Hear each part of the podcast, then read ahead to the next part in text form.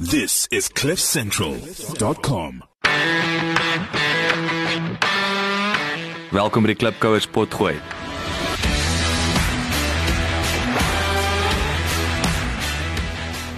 Klipkouers waar ons elke week met Afrikaner entrepreneurs en impakmakers gesels ten einde die beste praktiese besigheids- en lewensadvies met jou te deel. Jou gasheer en mede-klipkouer, Jacques Basson.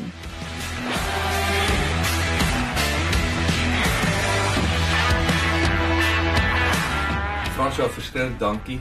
Ehm um, is 'n dis regtig vir my 'n groot voorreg om hierso aangesit tot aangesit met jou te sit. In Stellenbosch, ek sien 'n uh, die wolke is hierso. Reën dit nou. Dit het nou 'n bietjie die winterpatroon net nou begin en uh net om jou mooi reg te stel as jy nou sê is 'n groot voorreg. Die Engelse noem dit being nice to old people. nee. ek ek is regtig, dit is vir my, ek is 'n ek is 'n groot ek's 'n groot aanhanger en en natuurlik jy weet en ek sê dit nou met respek, né. Dis vir my ek dink jy's een van die grootste Afrikaner entrepreneurs wat ons het, maar daar's ouens wat nie weet wie jy is nie. En ek dink een kan jy hou daarvan. maar uh jy jy sekerlik ek sou sê jy's ons uh, is is ons sweet ek wil sê as jy ons uh, ons uh, die, die die Afrikaanse Jeff Bezos? Nee nee nee kyk jy was nou lank in die land uit. Jy jy daai uh, baie waar spreekwoord uh, vergeet. Saksarel maar uh, maar vertel my 'n bietjie meer. Vertel die klipkou asseblief want ek kom ons aanvaar by party ouens ja. weet ken jou storie party ouens nie. So asseblief weet bietjie agtergrond uh Jacques ek dink uh, punt nommer 1 en uh, en ek bedoel dit uit my hart uit opreg punt nommer 1 is ek beskou myself regtig nie naaste by as enige gees van naam nie ek is 'n baie normale persoon Ek het hier in die Parel groot geword. Ek was geen uitstaande uh, geskiedenis op skool of elders anders nie. Die belangrike punt dink ek is ehm um, nommer 1, ek het nooit begeer om in besigheid te gaan nie. Dit was nie iets wat ek nou al die jare oor gedroom het nie. Ek het maar ek het in 'n arm huis groot geword.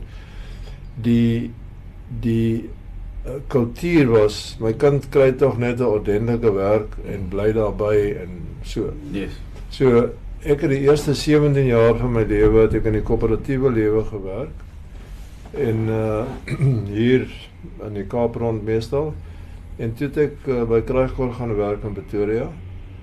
En uh uh op ouderdom 38 uh het ek 'n baie goeie pos gehad maatskappy Benz, alles was fantasties. Uh, ek dit kon nie beter nie. En ek het is, is, kan ekskuus ek vir jou rede, ek gaan ek met jou 'n paar keer. Wat was krygkort daai jare? Was dit die pinnacle wil ek sê in terme van jou uh loopbaan vooruitsigte? Uh vir baie mense was dit uh omdat krygkort uh ek het in 1972 so toe gegaan. Toe was die grensoorlog 'n werklikheid in ons land. En en as ek vir jou sê hoe ongelooflike maatskappy, ek hou nie van die woord ongelooflik nie, hoe hoe dinamiese maatskappy Kragkor was. Omdat almal was gefokus en dis 'n sakeles. Almal was flat out gefokus op die grensoorlog. Mm -mm. Die bedreiging was wesenlik en ons hoef nou nie in daai rigting te gaan die meriete daarvan nie. Ek persoonlik dink die grensoorlog was geregverdig maar die die jong ingenieurs by Kragkor het wonderwerke verrig wat tot vandag resoneer in die kommersiële wêreld in Suid-Afrika tot vandag. So. En toe begin die grensoorlog afgaan en toe kom die lelike kop van politiek uh, soos 'n slang se kop wat toe begin oor die horison kom. En die motivering van die mense wat polities kyk na 'n koöperatiewe omgewing was krygkor gaan nou kleiner word downsize soos Engelsman sê want die oorlog gaan af. So ek gaan nie my pos verloor nie jy gaan jou so kom ek steek 'n mes in jou rug en dit was 'n onvergenoeglike uh uh skouspel in 'n slegte sin van die woord om om gade te staan. Dit het my glad nie geraak nie. Ek was op senior middelbestuur vlak. Maar om te sien hoe die topbestuurslede bloedig begin posisioneer vir hulle eie posisies en so was vir my so sleg dat ek op 'n dag besluit het die enigste manier om met jou goeie pos jouself uit te skop uit hierdie uit hierdie organisasie want 10 jaar van nou af as jy 48 en dan kan jy niks aan jou lewe doen nie. Mm. En ek het bloot die half onnoosel stap geneem om te bedank. En myself uit te sit en ek het 'n jaar lank uh konsultwerk vir Kruiger en ander gedoen om te sien of ek wil teruggaan aan die koöperatiewe lewe of my eie pot krap. So dit was die aanleiding. En as ek dit mag sê, mense vra gedurig Wat is dit wat die Here jou laat begunstig het? Miskien het dit sy oog gevang dat ek daarom 'n beginsel besluit wou neem mm. en die sakebeginsel wat meer belangrik is as myself is as jy op 'n dag begin om nie onbevange die besigheid alles is jou eie besigheid maar die besigheid waarvoor jy werk se belang te dien nie en nie jou eie belang nie, dan is die einde uh insig. So ek sê een van die belangrikste sake beginsels vir my is dat jy moet onbevange uh gedissiplineerd altyd die organisasie se belang dien. Die organisasie vir wie jy werk of selfs jou eie organisasie. Want dis 'n keuse wat gedurig na vore kom in die sakewêreld. Is hierdie nou goed vir my of is dit goed vir die besigheid? Hmm. En ek wag dit om te sê uh, en ek ek sê dit bloot om te verduidelik waarom het die Here gedoen wat hy gedoen het met my? Ek dink dit het miskien sy oog gevang dat beginsels mm. en en die getuienisse wat ek nou probeer gee uh, wanneer mense my daarop vra is um, om van waarde te wees vir mense en ek voel altyd as ek met ek het nou met 500 mense gepraat in Durban dan voel ek altyd daar's miskien een ou wat daar in die derde ry sit wat hierdie storie moet hoor. Mm -hmm. So dit is min of meer 'n goeie beginpunt. So daai tyd jy jy jy daai industrial revolution mindset jy kry die corporate ek wil my my paal ook nog ek dink ons is die laaste generasie wat of ons het net net nie daarmee weg of net net daarmee weggekom het jy kon nog in swat jy kon ja. nog 'n lekker corporate job kry. Alhoewel ja. jy gaan nie daar aftree. Dit kan ek weet ek my generasie ja. gaan nie daar aftree nie. Ja. Want daai daai daai job gaan nie bestaan dat dat langer as 20 jaar nie, maar so dit was die norm. Waar die die hele idee van kom ek krap my 'n potjie. Ek bedoel dit was al klaar heeltemal teen die grein. Waar waar daai gedagte of ambisie van ek doen my eie ding, waar kom dit vandaan? Wel, ehm um, ek het in Oktober 1978 bedank by Kragkor, uh September Oktober 78. En ek het letterlik huis toe gegaan en nie 'n idee gehad wat nou nie en ek het vir myself gesê jy moet verantwoordelik wees, jy het 'n vrou aan die kant. So, ehm um, uh neem 'n jaar uh en uh probeer vasstel wil jy teruggaan aan die koöperatiewe lewe of wil jy jou eie pot krap? Ek het toevallig in die loop van daai jare baie goeie aanbod gekry van 'n uh, van my 'n vereniging. En maar ek was so bang vir die koöperatiewe spook van politiek, uh want ek het dit daar ook gesien by die firma wat my die uh, ek het vir hulle konsultwerke gedoen en toe bied hulle my goeie pos aan. Maar die politiek was daar net so dik of amper so dik. So toe toe ek net besluit nee, ek moet my eie ding doen en ek het nie 'n idee gehad wat nie. Ehm um, en ek dink ek dink wat jy my vra is ek stem saam dit is deesdae belangriker nog as voorheen. Want kom ons sê 50 jaar gelede eh, was dit baie meer algemeen. Nee, ek gaan werk by 'n plek of by die spoorweë of by die staatsdiens of wat veral ons Afrikaners uh, het deur daai oefening gegaan. En ek dink eintlik een van die goeie dinge van die politiek van die dag waaroor ons nou nie noodwendig gaan praat nie, is dat dit ons forceer om die eienskap wat Afrikaner sakemense amper meer as baie ander groepe het om dit af te stof en ons eie ding te doen Mm. en die waagmoed in die hand te neem en te sê nee maar kom ek doen dit. Uh so vir my was dit 'n 'n 'n onverwagse voordeel wat ek nou maar sien wat ek van die Here ontvang het om in 'n situasie te kom waar ek moes. Mm. Ehm um, en Wat jy nie noodwendig vrywilliglik sou gekies het Wat ek- op, voor voor dit. In indien die omstandighede by Kruighor anders was, sou ek vasgevang geword het in die ouderdom siklus want op 50 kan jy nou nie exactly 'n nuwe ding begin nie. Mm. 40 is omtrent amper Afsny. uh, afsnypunt maar nie noodwendig nie. Ja.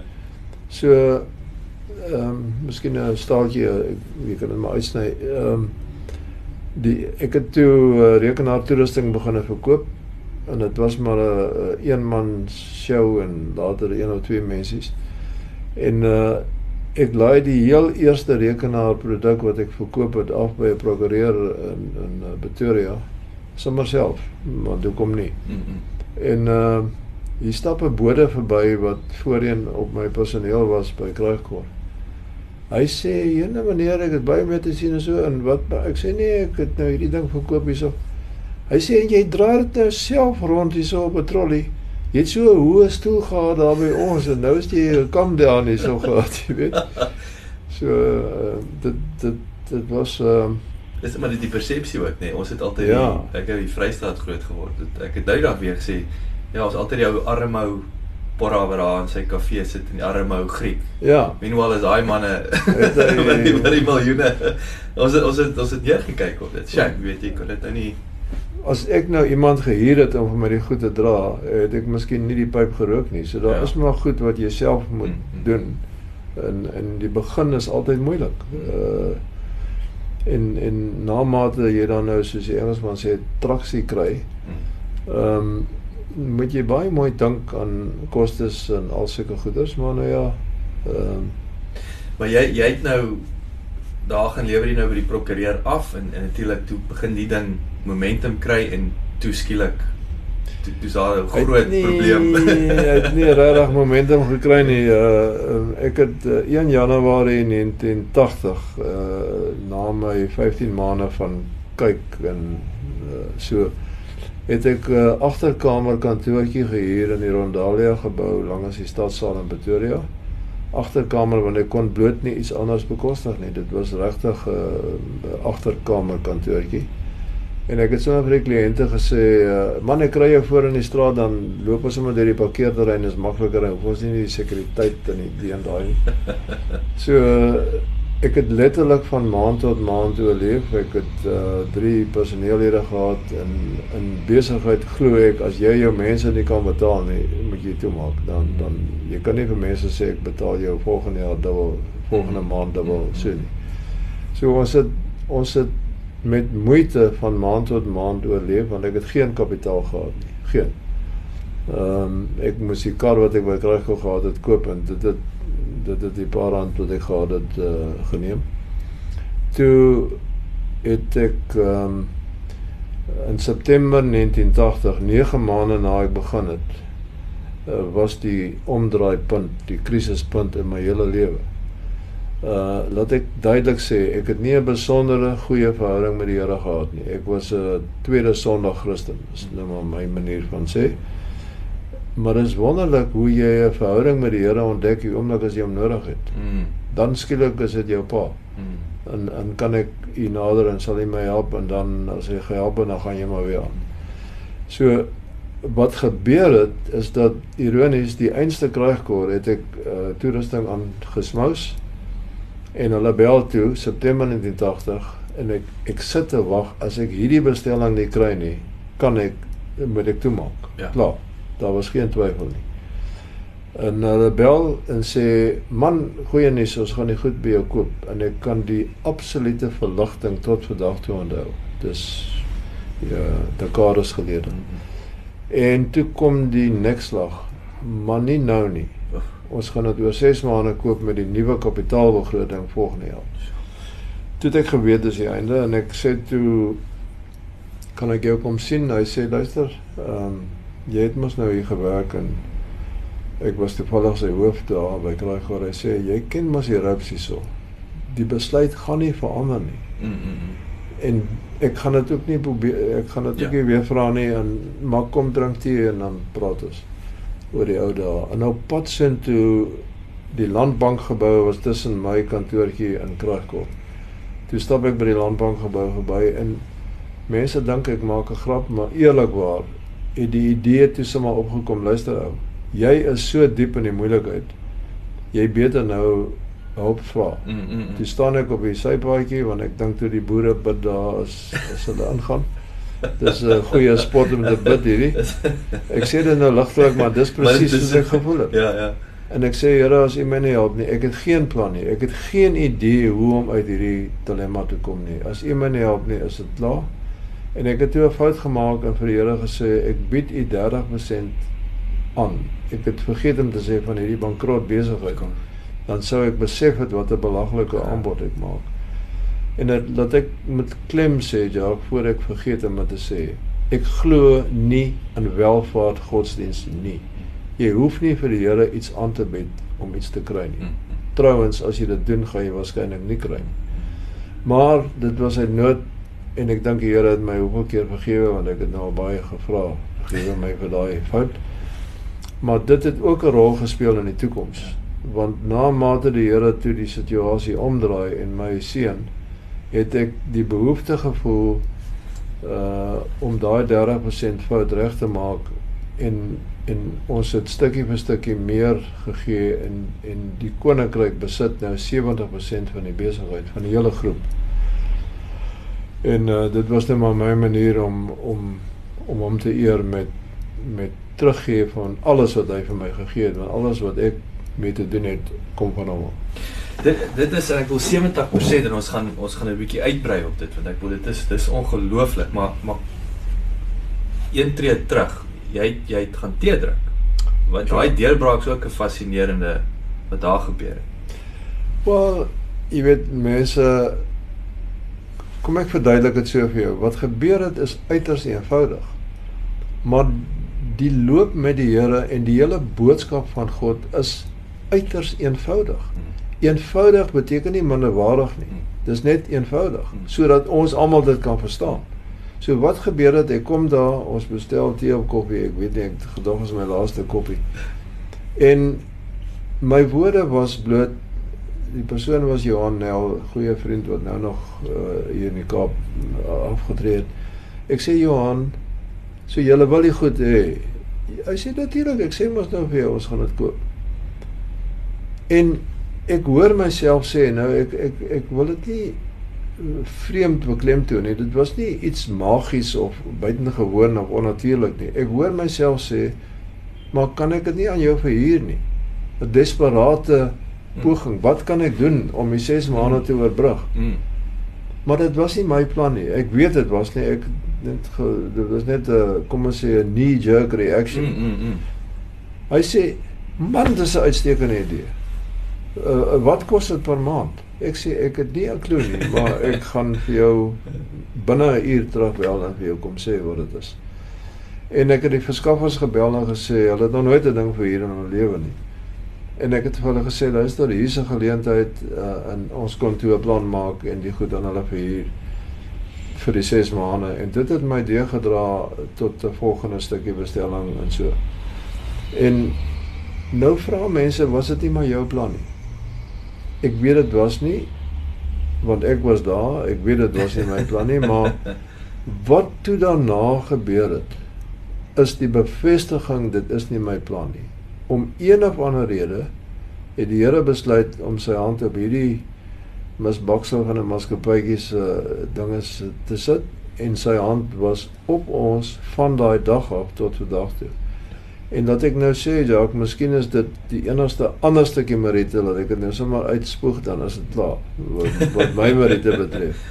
Die een was die beginsel ding, uh die Ja. tweede ene was dat ek gehoorsaam was aan die belofte. Hoe skeef die belofte ook al was, 30%. Mm.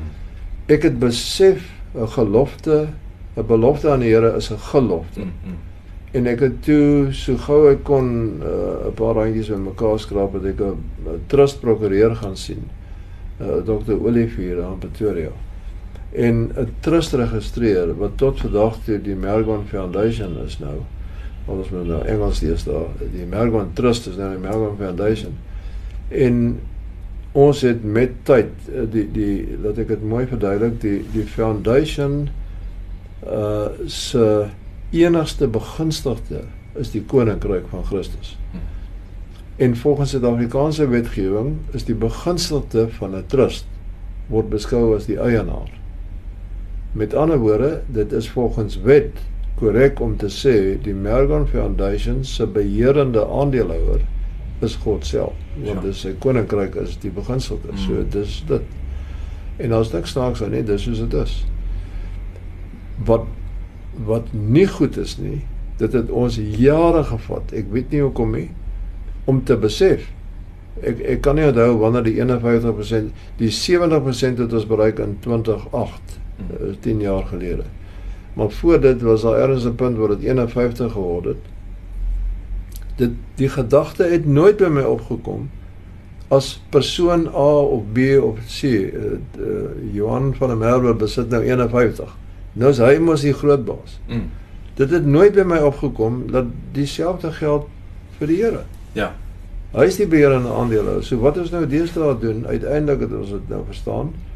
As daar 'n aandeelhouer besluit op direksievlak is, dan bid ons daaroor en as niks eienaardig nie, ons ons wag tot ons hoor van hom en hy antwoord altyd selde op die tyd wat jy wil, sy timing is altyd beter. Mm. Maar hoe meer jy jouself gehoorsaam hou om te wag op wat hy sê, hoe beter is die antwoord. En daar's altyd 'n antwoord. Ek onthou toe ek die eerste keer jou oor praat het. Ehm toe sê jy jy een van die super goed jy gedoen het. Jy wens jy het vroeër Ja. 70% uit. Ja. Hoekom? Hoekom wat wat is dit een van daai 7 hoekom? Ag, dit was maar, jy weet, kom ons sê mense vra baie keer is, is jou verhouding met die Here nou op 'n op 'n 'n 10 uit 10 punt. Nee, mens se verhouding met die Here uh, gaan uh, agteruit of vorentoe en is 'n dinamiese proses. En oor die jare um, was dit ongelukkig so um, dat ek maar 'n neiging gehad het aan die begin om my eie ding te doen. Uh, Die Here sal my die Here sal my werk seën in plaas van dat ek nou en ek het hoeveel foute gemaak en dan passievol tot hom gebid. Ek is nou nog dieper in die moeilikheid as wat ek was, veral in die 80s toe die sanksies en die goed geweldig moeilikheid uh, veroorsaak het vir ons. Uh so ek het hierdie ek het hierdie dom ding gedoen om om om te voel vir dekades lank. Hierdie is my besigheid en in in in die Here is nou 'n deel van die besigheid, maar dis eintlik myne en ek moet besluit en ek moet die planne maak en ek moet snags wakker lê bla bla bla. Tot ek op 'n dag bes, besef het, ek ek moes dit neergeskryf het, ek weet nie wanneer nie. Besef het. Maar my liewe land, alles wat jy het kom van hom af want jy sou niks gehad het op jou eie nie. Dit dis 'n kernpunt wat ek doodseker van is. Mm. Ek kon dit nie maak nie. So alles wat ek het kom van hom af. Ek moes eintlik destyds gesê, die Here vat die hele lot. Maar dit is nou baie maklik om terug te kyk wat jy moes gedoen het. Dit is maar 'n menslike ding. Mm, mm. Dit het nou nie so verloop nie en dit help nou nie ek kastei myself oor nie. Maar ek is doodseker daarvan. Uh dat ek dit duidelik stel. Die bewys dat dit goed sou gewees het om vroeër hom te erken as die beheerende aandeelhouer noem ons dit nou hier. Mm. Ehm um, is bloot die feit dat van ons hom begin erken het as die beheerende aandeelhouer en besluite waarvan daar baie is. Aandeelhouer besluite aan hom voorgelê het en gewag het op sy antwoord. het dit met ons nog veel beter gegaan as voorheen.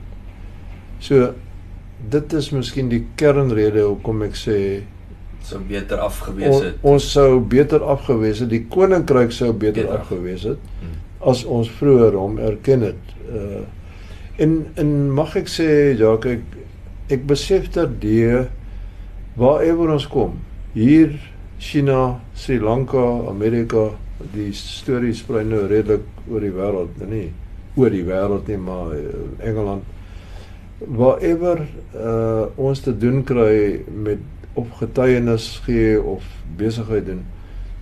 Uh mense vind dit 'n vreemde uh gedagte.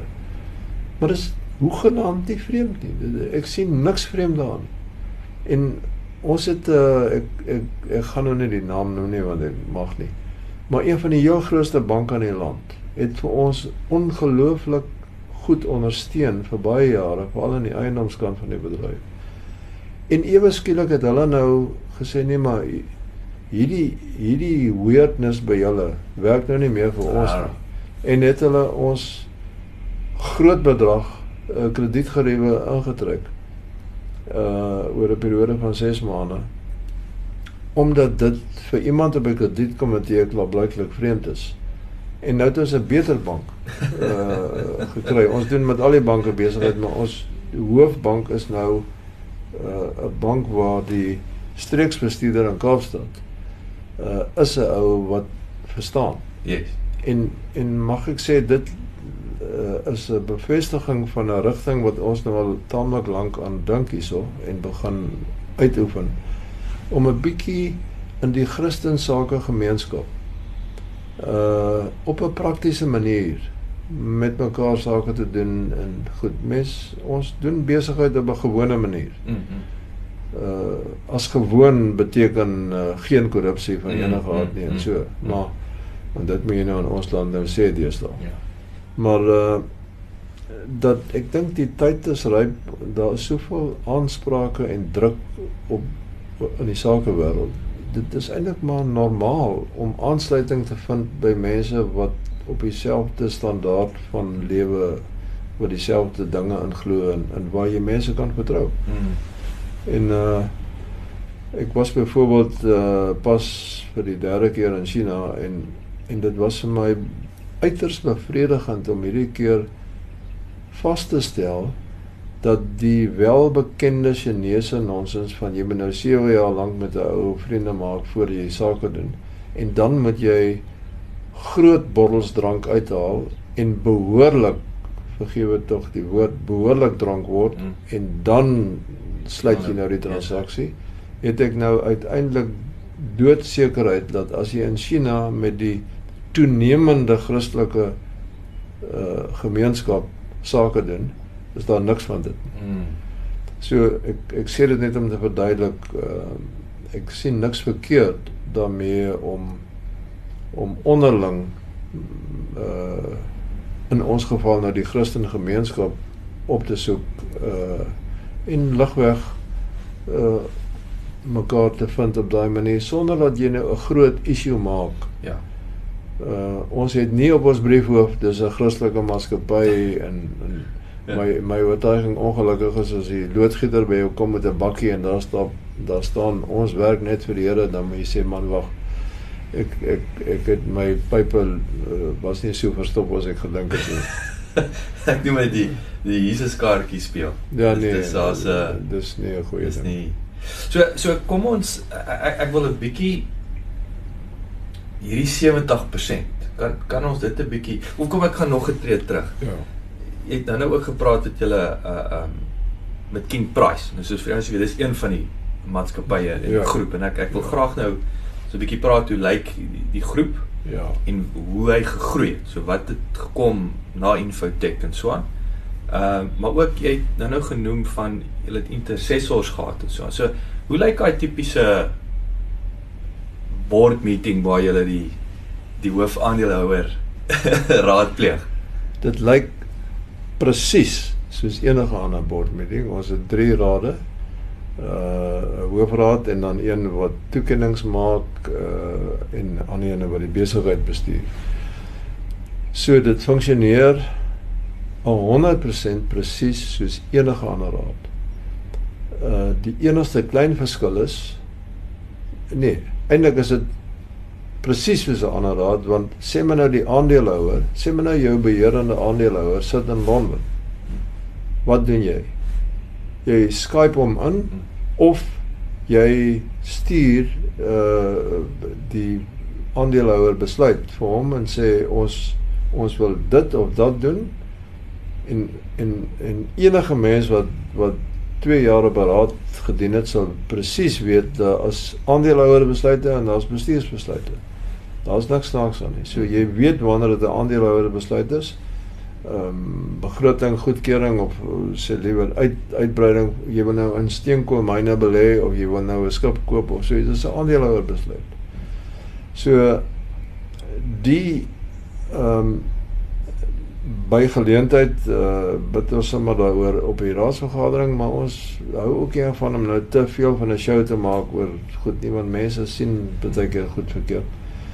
Ehm um, maar ehm um, um, sit ons dan op 'n gebedslok uh met 'n uh, datum kolommetjie nogal ewe wanneer dit voor, dit verhoor gaan word dat ons net onsself kan kan herinner aan die Here se getrouheid. So dis 'n belangrike ding van van ek ja. is 'n belangrike stukkie advies daar. Is daai gebedslok. Ja, want dan kan jy jouself en ander herinner hmm. en dis 'n rekord uh van van van jy weet uh, wat wat eintlik maar deel word van jou DNA in die hmm. besigheid. So dit werk eintlik maar net so. Ek kom ek gee jou 'n voorbeeld. Ehm um, die hoof van die groep uh Pieter Vorre ehm um, het so 4 jaar gelede ehm um, het hy 'n gevoel gekry dat 'n mens moet miskien net dink op Stellenbosch of ons net die hoofkantoor van omtrent 500 mense moet afskryf Stellenbosch toe. Uh dit hy amper gesê nee wag net maar ek ek wil nie en ek gaan nie en en ek niemand van ons wil gaan nie. Want daar is 'n klomp redes dit almal die een se man werk daar en daai een se vrou werk wat was hulle toe in Pretoria? Ons was toe in Pretoria maar Pieter besef toe dat dit is iets wat ons net moet bedink en dis duidelike aandeelhouer besluit. Moet ons die hoofkantoor 1600 km skryf hmm. en Stellenbosch is 'n plek met allerlei uh geite. So wil ons nou regtig so toe gaan. En toe besluit ons om daaroor te bid en ons het 'n paar uh, intercessors gevra en ek dink 3 of 4 uh het teruggekom binne 'n week gou-gou met Exodus ek kan nou nie die vers onthou nie maar Exodus 14 erns ehm um, die wolk het geskuif. Nou ek kan net vir myself praat die die die sekond toe ek daai boodskap hoor, toe weet ek ons moet pak. En ons het binne 6 maande ehm um, uh hervestig hierso. En die wolk het geskuif het dimensies toe in in uh, in die in die Egiptiese tyd uh toe die Egiptenare uh, die die Here het in 'n wolkkolom vir hulle uh ondersteun. Daar was 'n ligkant en 'n donkerkant. En is 'n welbekende storie uit die Ou Testament dat aan die donkerkant was die Egiptenare, die Egiptiese moordenaars sê maar nou wat agter die Israeliete aange gehap hap het. Dinge was sleg aan die donkerkant van die wolk. Aan die ligkant was daar 24 ure dag lig en daar was manna en en die Here was daar. Hy hy is altyd aan die ligkant en nie aan die donkerkant. So dis mos nou nie moeilik om te verstaan as 2 of 3 of 4 van ons nou dieselfde versie onafhanklik ja kry. Dat jy kan mos nie en ek mm. duideliker is dit. Mm. So dis nie ongewoon nie. Ons sit nou vandag hier in 'n eh, nou reënerig hier in Stellenbosch. Maar dit is vir my vreemd dat die Here self so nee, ekskuus, nie vreemd nie. Dis vir my lekker om te sê dat die Here self so ver gegaan het om ons te begunstig met 'n uh, met 'n bevestiging. Wat het gebeur? Ons het op ek dink 5 Januarie 2015 hier aangetrek en ek ek ek kan nie vir jou vertel hoe alles in plek geval het nie. 3 kwart van die personeel se se wederhelfte het op ander plekke gewerk en dit was vir ons hoe gaan ons hierdie probleme oplos? Mm, Want ek meen ons gaan almal verloor. Mm. Maar kom ons gaan.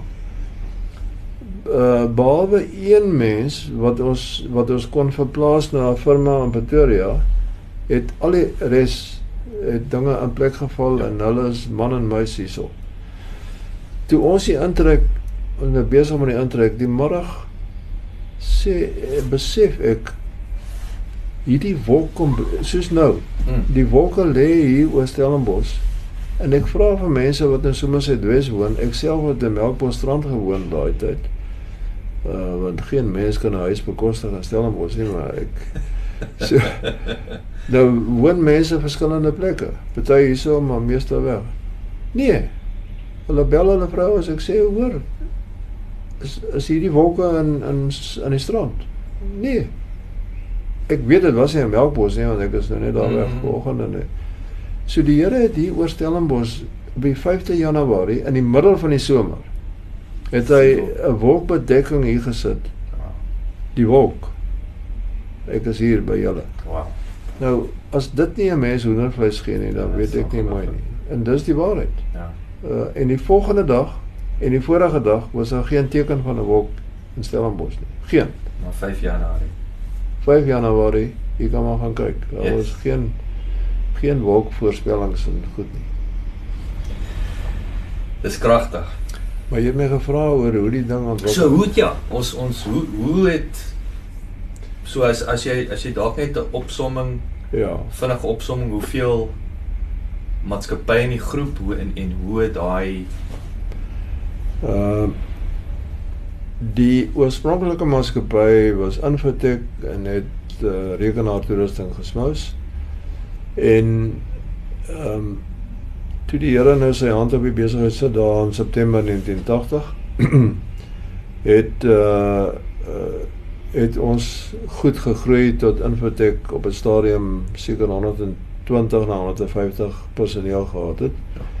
En uh uh, daar was baie droë getye toe ons produk Amerikaanse produk uh, onttrek het uit die land uit vir politieke redes en so maar ons het uh, oorleef. En toe het 'n draaipunt gekom en ek noem dit want dit is miskien uh, sluit aan by wat ek heel eers gesê het. 'n Mens moet altyd doen wat in die belang van die maatskappy is, dan is dit vir jouself op die ou en die beste. Op 'n dag het dit tot my gekom dat ons sukkel geweldig om personeel te kry want in daai tyd in die 80s, laat 80s, het het elke tweede ou gedink hy's 'n rekenaar ekspert en die storie het toe begin groei binne die maatskappy. Nie hierdie van Niekerk het mos nou die ding begin. So hy gaan vir ewig, hy's nou maar 50 jaar oud of wat, hy gaan vir ewig hier bly. Hier's nie 'n toekoms vir my nie, ek gaan nou maar liewe loop. So die die die uh die tipiese neiging van mense om 'n rede te sien hoekom hy nou nie so sterk gaan vorder hier as wat hy wou nie. Mense het maar so 'n neiging. Het werklik 'n dilemma begine word. En en ek het net een keer te veel gehoor dat ek is dan nou 'n deksel. Uh hoe onlogies nou ook al. Toe doen ek weer 'n ding wat 'n bietjie ondeurdag is en ek bedank uit my eie maatskappy. of kom ons sê my en die Here se maatskappy, Ja, ja, maar 70 Mei 30 om. ja. So toe bedank ek. En en uh, uh ek het baie keer gewonder wat my nou eintlik besiel het, maar in die maandagooggend, ek het dit die Vrydag middag aangekondig en die bemarkingsdirekteur destyds van Infotech aangestel as die MD en ek was gedetermineerd om nie oor sy skouer te kyk nie. Uh, hy is nou die baas in taal. Toe het ek nie werk nie. En dit ek ek sê tot my skande, ek het nie die Here gevra moet ek dit doen nie. My verhouding toe met hom was nog nie was baie beter, maar nog nie lekker genoeg dat ek besef dat ek met hom vra. Yes. Hy sou gesê het, maar nou ja, nou moes hy weer ex post facto my uithelp uit my eie besluite. Toe was die enigste logiese ding vir my Infotech het toe ruimte nodig gehad. Ons was in drie geboue in Arcadia en Pretoria. En Hatfield was toe die plek en ek het daar rondgekrap en toe uh met 'n 50-50 verhouding met ander mense uh, gebou gebou vir Infotech om myself besig te hou. Ek sê weer ek het geen ambisie gehad om in eiendom te gaan nie. Mm. Maar die Here werk op snaakse maniere. Hier kom 'n jong man, Louis van der Walt op die Deloitte audit by by Infotech. En daar is die hoof van die audit is 'n jong vrou met die naam van Zaan Zaan Hume wat nou 'n baie senior dame by Atterbury is. Maar en jong Louis, ek sê weer hy's 'n eerste jaar audit klerk. Nou sal jy nou in besigheid gaan met 'n eerste jaar audit klerk? Mhm. Nie noodwendig.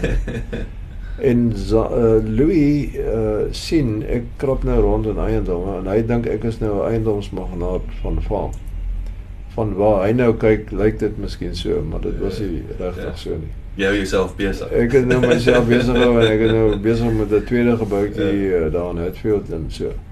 En Louis dink ek is in eiendomme en hy het 'n passie oor eiendomme, soos wat nou wel bekend Mm. is.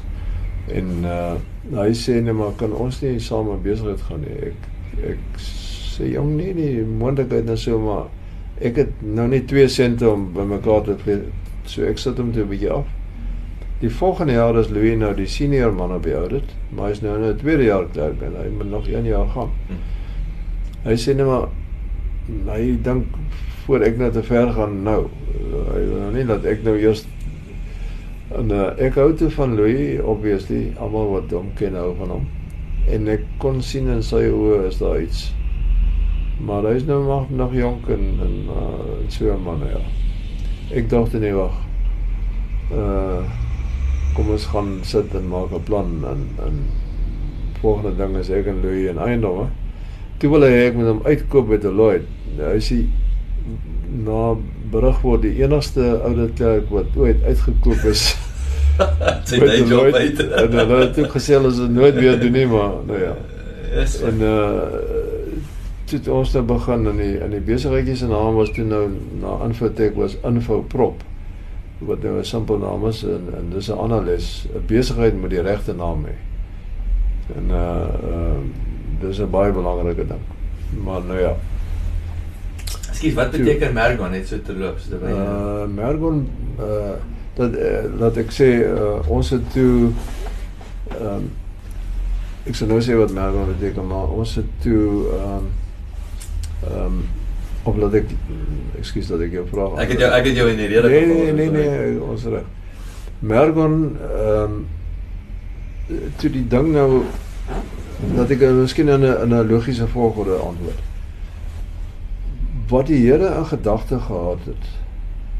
Hy het mos nou geweet dat die eiendomsgolf gaan uh opwaarts uh gaan hierso in die in die in die vroeë jare van die nuwe regering en so.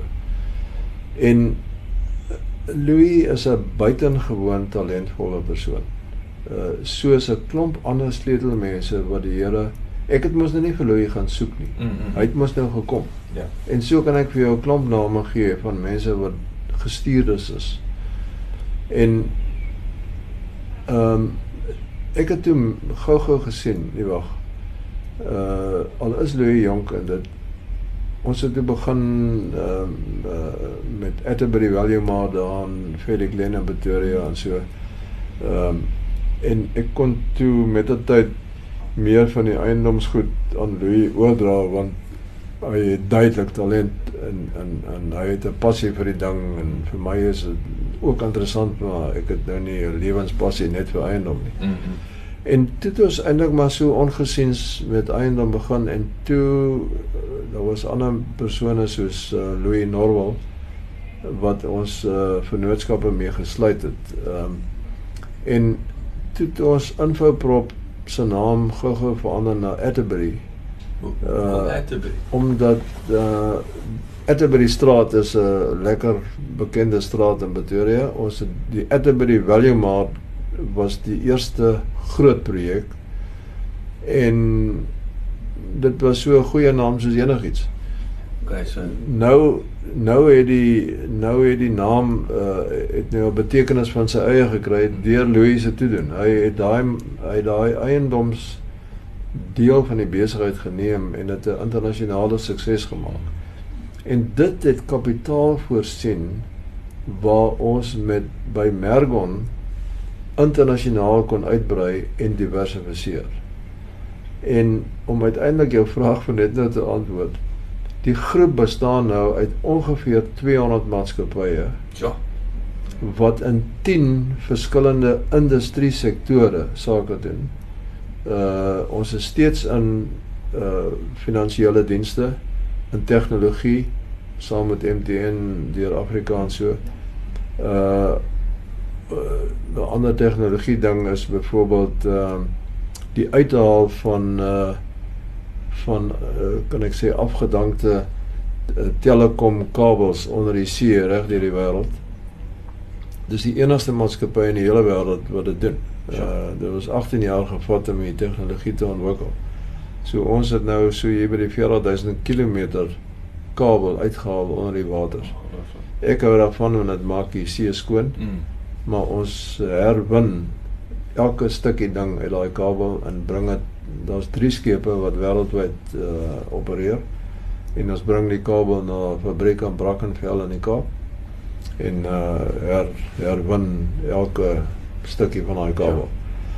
Ehm um, dan is daar ehm um, uh, Atterbury het ons nie meer 'n groot aandeel in nie. Klein daar's nou baie aandeelhouers. Uh so ons ons het met die tyd uh, uitverkoop uit Atterbury om kapitaal te kry om ander dinge te doen. Uh maar ons het byvoorbeeld uh, uh Mergon het uh het 'n maatskappy gestig in Engeland. Ehm um, MES M A S uh, MES Real Estate wat reg deur Engeland en die hele Europa tot Oos-Europa ehm um, aansienlik uh, vordering maak en is genoteer op uh Luxemburg en Johannesburg. Uh dan is daar net terug by die finansiële dienste, daar's uh ons het 'n aandeel in 'n maatskappy in Australië. Mens moet dan in Australië is bietjie besigheid doen hier en daar. wat noteer is op die Sydney uh, beurs uh, Urbanize mm -hmm. wat finansiële dienste verskaf aan uh woonkomplekse en en uh, bestuur van geboue en al sulke goed. Nie net in Australië nie, hier in Midde-Ooste en elders. Dan is daar 'n uh, belang in 'n logistieke maatskappy 4PL. Uh een van die een van die grootste in die groep is uh, King Price Mhm. versekering, korttermynversekering. Is is is is King Price dan ook die die nuutste Suid-Afrikaanse toevoeging Uh of of is daar nee, daar seker ander ook ek uh, ek ek sê nou ek sê die mees die mees sigbaarste is die mees sigbare ja. En en uh, uh ek kan miskien maar 'n maatskappy geheim uitlap. Uh, King Price het nou uitgebrei na Namibië toe. Daar is uh ons uh, Australië is op die oomblik uh, um, uh meer en meer onder oorweging en hulle saam met Urbanize Ja. En dan is daar gesprekke om uh, in Europa, hulle is trouens nou daar om in Europa uit te brei. Dan is daar 'n uh, ehm um, ehm um, uh, gimnasium uh gesondheid, wat is dit? Uh, gyms. Jim. Uh gyms. In uh Londen, Birmingham en Southampton is daar omtrent 20 gyms wat uh onder die naam Easy. Ons het die Easy brand gekoop by EasyJet. Okay. Lekker oranje. Lekker oranje, selfs in Oxfordstraat is daar 'n gym. Okay. En ons het nou 'n franchise model wat ons nou uh in Europa en elders uh selfs in Amerika kyk na Easy Gym. Ja. En dan is daar nog een of twee goed wat ek nou mooi kan onthou nie. Dit klink nou Ek ek ek onthou nou net toevallig, weet jy, hoekom jy was die krokodil, die nylkrokodille, nee, ek het ja, uh, Mosambiek is dit Nilo is 'n uh, krokodil besigheid, uh, is die wêreld se grootste ehm um, groeier of kweker of dinges van nylkrokodil vel. wat gebruik word vir dames handsakke en horlosiebandjies en allerlei goed wat hulle en uh ehm um, uh, die het plase in Natal en in Mosambiek en so waar krokodille uh nou mooi groot gemaak word dat hulle velletjies mooi sag is vir die dames. Ehm um, kom 'n Nylkrokodil? Is dit is hy groter is? Meer meer eh, vel. Dis die dis wat die mark wil hê. Hy sy skubbe aan die goed is nou net mooi wat die mark hmm. wil hê. Ek ek ken ongelukkig. Dis nie handsakke nie. Die die besigheid is eintlik ehm um, gespesialiseerde boerdery Afrika styl. Nou dit klink 'n bietjie nou is maar eh, krokodil is nou 'n beginpunt, maar ons siening is dat daar in Afrika baie ruimte is vir gespesialiseerde boerdery metodes. Of dit nou krokodille is en of dit nou in sommige Afrika lande waar die grond so ryk is dat dit jy nie kunsmis nodig nie. Mm. Maar om op 'n skaal te boer wat wat volhoubaar is en wat vir daai land 'n bydrae maak en also. So ons kyk 'n bietjie na kom ons sê noem dit dan 'n maar gespesialiseerde boerdery. Mm. Uh, die krokodil ding is nou maar eerste stap. Nou sal mense vra maar hoe op aarde maak jy dit alles werk? Mm. Want dit is totaal verskillende goed. Ja. Nee, ons het eintlik net een fokus en dit is vennootskappe. So ons het 'n voorkeur vir mense wat 'n goeie idee het, wat 'n bietjie drif het en 'n ding wil en kan doen. Hmm. En dan wat die soortgelyke waardes as ons het. Mense vra baie keer neem julle net Christene in diens? Nee, natuurlik nie. Dit die, die besigheid word gedoen as 'n besigheid. Mm -hmm. Christelike waardes verseker, mm -hmm. maar nee, ons skryf nie vir 'n ou voor jy moet nou belydenis doen voor jy hier kan werk nie. Dit is nonsens. Ja, ja. Uh aan die trust kant, die foundation kant, natuurlik is almal Christene. En ek kan jy vertel hoe die foundation werk as jy wil, maar die die besigheidskant is eenvoudig vir noodskappe. En laat ek sê ons het geen kwelsigtigheid oor ons moet beheer oor alles hê nie. Daar is enkele maatskappye waarna ons 'n minderheidsbelang het. Sover ek weet is daar nie een waarna ons 51 het nie. Want baie keer is nee moet 51 wees. Hm. Party het ons 100, party 80, party 63. Mhm in sommige minder as 50, maar dit dit gaan oor die oor die o, een van die ander sake rigtings is hidrokrag. Mm. Dis nou die mekaar praat maar ek kan nou Ek onthou ek onthou nou jy dit. Ek onthou. Ons het uh regte om 5 hidros te bou in die Asrivier in in in die Vrystaat die manne wat in die Vrystaat is.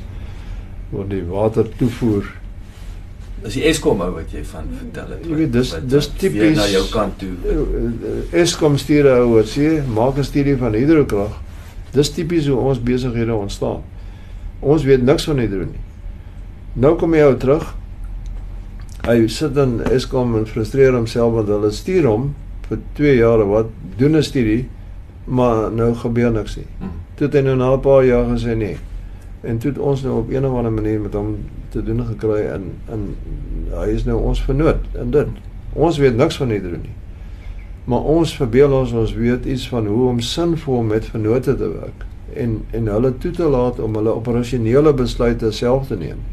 Ons sê nie ek het jare gelede vir 'n Amerikaanse oliemaatskappy gewerk en elke Vrydag middag 12:00 moet ons die profit cable stuur na New York toe. Profit Cable. Jy weet hoeveel wins hulle hierdie week gemaak in in die die die die lyne word styf vasgehou.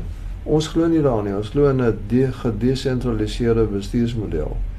Want waar 'n vennoot is nie 'n ding wat jy moet beheer nie. 'n Vennoot is 'n ding wat jy moet saamwerk. Mm, mm, mm. En mekaar verstaan. Dis wat ek doen en dis wat jy doen en en ons los mekaar uit. Dis dis maar op 'n uh, eh, dinges manier ons sakemodel.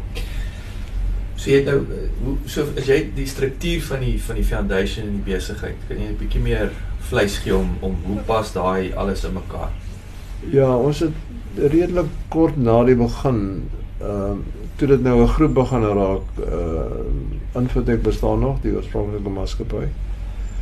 Maar toe dit nou uh, meer uh, meer vleis aan die koöperatiewe been kom, sê ek maar sê. Het ons besef daar moet 'n uh, groep naam kom en ons het toe op die ouend met die hulp van 'n professor van uh, Tikkies uh, wat dan nog Afrikaans kon praat daai tyd by Tikkies het het vir ons gehelp met 'n uh, uh, Latyns en 'n uh, Griekse naam. uh, Griekse naam. Uh, Mergon en dit is saamgestel uit twee Griekse woorde. Nome in Grieks is die area wat die kudde wy.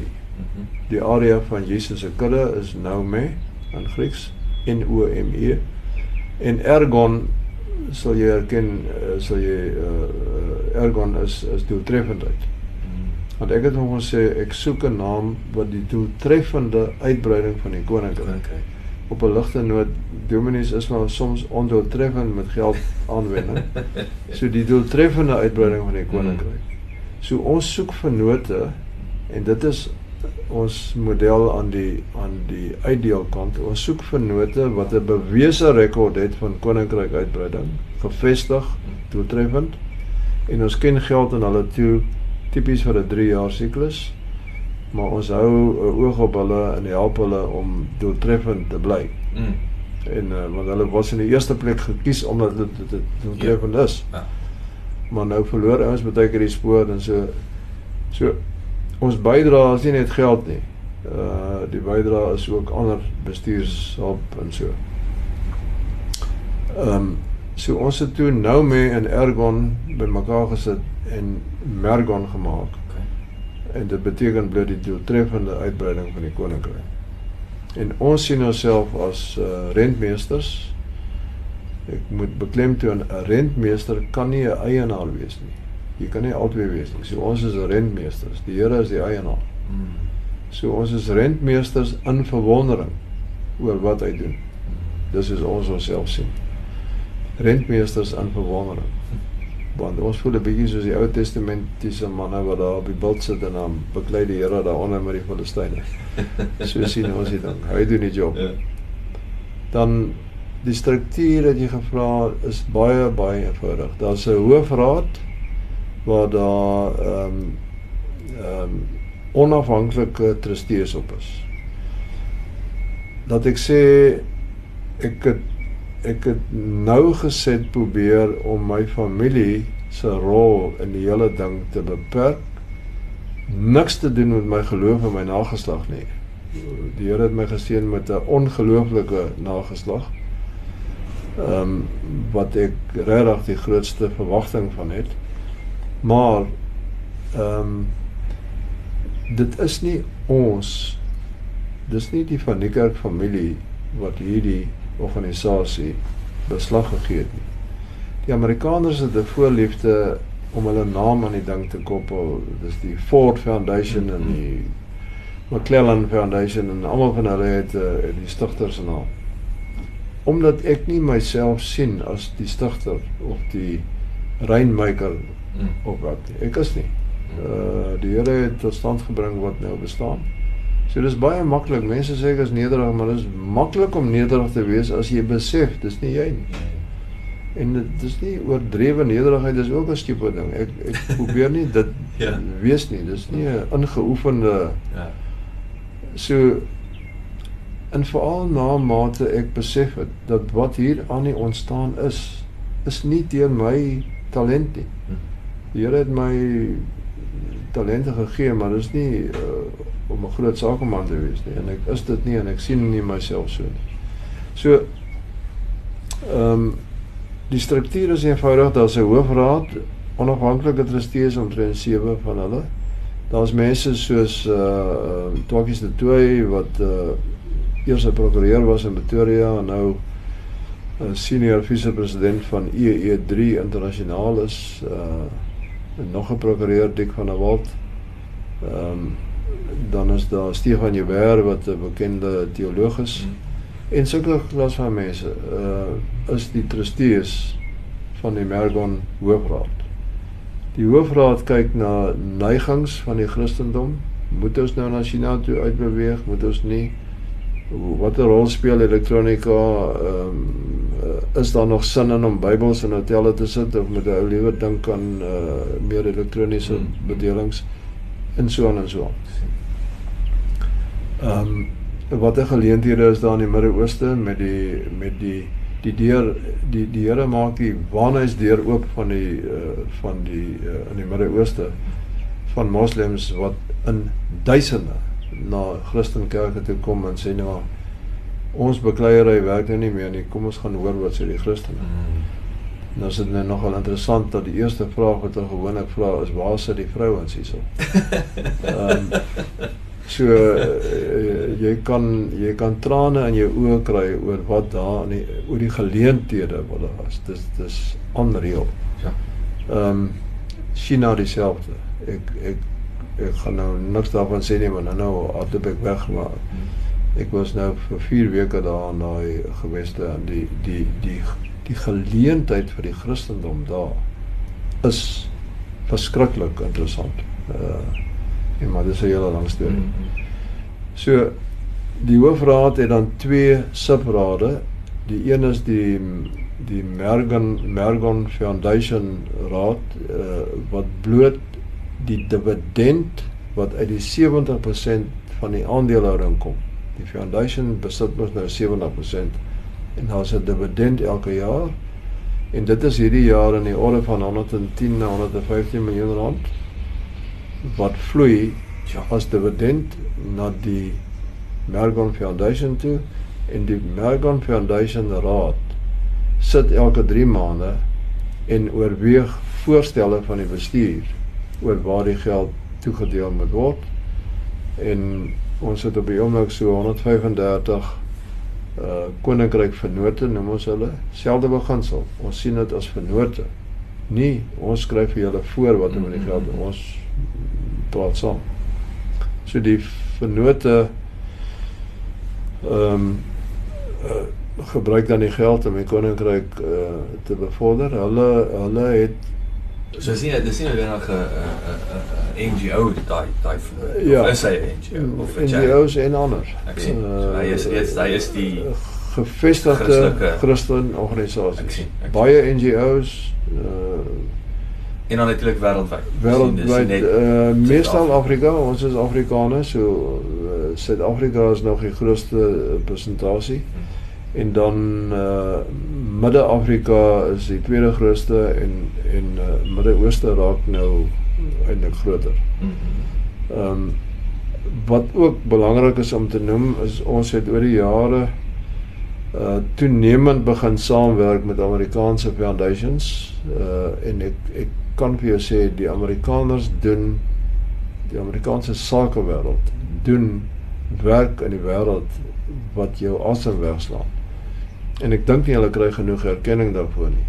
Tipies Amerikaners is hulle doeltreffendheid element 'n bietjie suspek. Hulle gooi geld Afrika toe want hulle het een of ander skuldgevoel oor Afrika. Maar hulle hulle aanwending van die geld is baie keer amper pateties. So Ja. ons help hulle met opbou van verhoudings om te sê nee wag, kom ons doen dit so. Mm. Ons is Afrikaners, ons ken die kontinent en dit werk nou toenemend goed. Dit ons het geweldig goeie bande met Amerikaanse foundations opgebou. En dan is daar verskeie ander uh sytakke. Uh ek gaan net een noem dat dit nou nie te lank is nie. Ons het so 6 jaar gelede dink ek uh 'n inisiatief begin met die naam Nation Builder. Die idee daarvan is bloot daar's baie organisasies in die land wat uh geld begroot elke jaar vir die omgewing, vir die uh, uh, omgewing letterlik of vir die sosiale omgewing, arme mense. Mhm. Baie van die koöperasies begroot sê maar nou 5, 10 of 15 miljoen rand, maar spandeer dit glad nie want hulle kom net nie daarby uit nie. Mhm. Hulle is in hierdie bedryf of daai bedryf, maar hulle hierdie geld hulle hulle gewete is okay as hulle begroot, maar dan gee hulle dit nie uit nie. Mhm. Nie doelbewus nie is net nie 'n prioriteit nie. Mhm. So toe het ons begin om vir hulle te sê, okay, wil julle gee? Ja, ons wil gee. kom ons vat die spyskaart van projekte wat ons koninkryk vennote het. Die die 135 vennote wat ek genoem het aan wie ons 112 15 miljoen rand hierdie jaar uh, bewillig. Hulle het ongeveer 800 projekte sover ons kan vasstel wat hulle nou vir ons sê ons gaan die geld gebruik vir hierdie of daai projek en ons sê dis fyn. So nou hoe kan jy nou hierdie dis 'n eenvoudige sakebeginsel. Hoe kan jy nou die die goeie woord gearing? Hoe hoe kan jy nou hierdie projekte uh vermenigvuldig die impak, die koninkryk impak? So ek gaan nou nie die naam noem nie, maar daar's 'n bekende kosmaatskappy wat so godloos is soos nog iets. Maar hulle voel hulle wil gee. Nou sê ons luister, ons is 'n Christelike organisasie, ons het hierdie projekte, ons verberg niks. Maar ons het hierdie rekord Ja. van sukses. Doeltreffendheid. Kan julle julle versoen daarmee dat ons geld Ja nee, dit maak sin. Ons deel nou nie julle geloof nie, maar dit maak ons nou nie sin. Ja, hulle weet dit word effektief. So nou sê ons byvoorbeeld vir 'n versekeringsmaatskappy. Julle het 10 miljoen begroot of vir 'n bank. Tipies 10, 20 miljoen begroot, maar hulle spandeer dit nie. Kom ons wys vir julle projekte in waar wil julle spandeer? Nee, in Suid-Afrika, waar nee, net in die die deel of net in daai deel of net hierdie of daai kinderopvoeding, fyn. Mm. Hier is 93 projekte reg oor die land wat Cherry pick. resultate het van kinderopvoeding. Nee maar fyn. Ja. En so het ons nou eintlik 'n fantastiese uh, ek gebruik nou weer die woord traksie begin ervaar na 'n paar jaar se gesukkel. Want die grootste vraag wat ons gekry het was what's in it for you? En en hoe meer ons sê nee, ons ons betaal die kostes om vir jou terugvoering te gee want dis 'n manier om ons koninkryk te verbeter. Ja. Dis tog logies. Ja, ja. No, no, there must be something in for you. Other people who want money, hulle vat 20%. So, dit uiteindelik het ons nou daai geloofwaardigheid. So ons het nou byvoorbeeld uh, maandag uh prof Jonathan Jansen kom hier na hierdie selfde kantoor toe om om sekere opvoedings goed te bespreek. Daar's nou 'n hele proses, dis nou te veel detail van nou wat die nation builder nou aan die gang het om om mense te motiveer, sakemense om bloot meer te gee. Dis dis die doel van nation builder. En in ruil vir die saamwerk kan jy nou op jou briefhoop sit member of nation builder. Maar om hierdie land te bou is tog ons almal Mm, mm. se werk. Uh as ons dit nie met erns doen nie dan dan gaan ons moeilikheid hê. Ja, dit is, is so. En dit kom terug na daai dat jy weet eh, in Engeland praat ons mos van die van die social return on investment. Dis reg. So ek altyd vir ouens sê die dae is verby van Absoluut. ons het 'n probleem bakhandjies met bankbesonderhede. Nee, Nee. wat wat Ja. wat is die impak? Ja. Wat is daai? So en dit is soos jy sê, dit is dit is definitief Wel Uh, een van die lekker goedjies wat ek nou baie keer aankou is as ek nou dink oor die jare ons ons moedig ander maatskappye aan wat ons mee te doen het om om op hulle eie en so Atterbury byvoorbeeld verskeie trusts en projeksies en so die Atterbury teater in Pretoria is 'n kultuur ding in die Afrikaanse uh, kultuur 'n bietjie te bevorder. Maar daar's baie ek sal een noem. Atterbury het 'n kliniek in uh, in Pretoria Wes waar arm arm arm mense uh, genooi word om te kom vir mediese spesialistdienste. Hulle betaal 50 sent om hulle net te laat voel hulle is arm. En en 'n wonderlike voordeel van die kliniek obviously is die is die groot motivering om om armes te help wat 'n katarak operasie nie kan bekostig nie. Maar toenemend voel ek dat die groot tweede voordeel is om mediese dokters in Pretoria wat galsterige fooie verdien vir ek en jy se toe gaan dan betaal jy deur jou nek deesdae. Maar ekskuus ek is nou 'n bietjie moeswillig. Maar om om daai spesialis dokter te vra om gratis 'n halwe dag 'n maand, halwe dag elke 2 weke of een keer in 3 maande, wat ook al.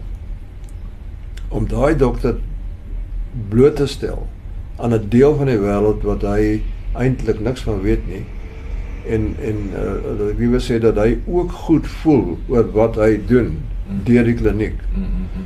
En uh, dit's dis dis verskriklik vervullend uh om te kan sien wat die resultate is sonder dat dit jou verskriklik baie kos. As ons nou dokters moet gaan huur, dan kan jy dit nie volhoubaar Ja, doen. ja.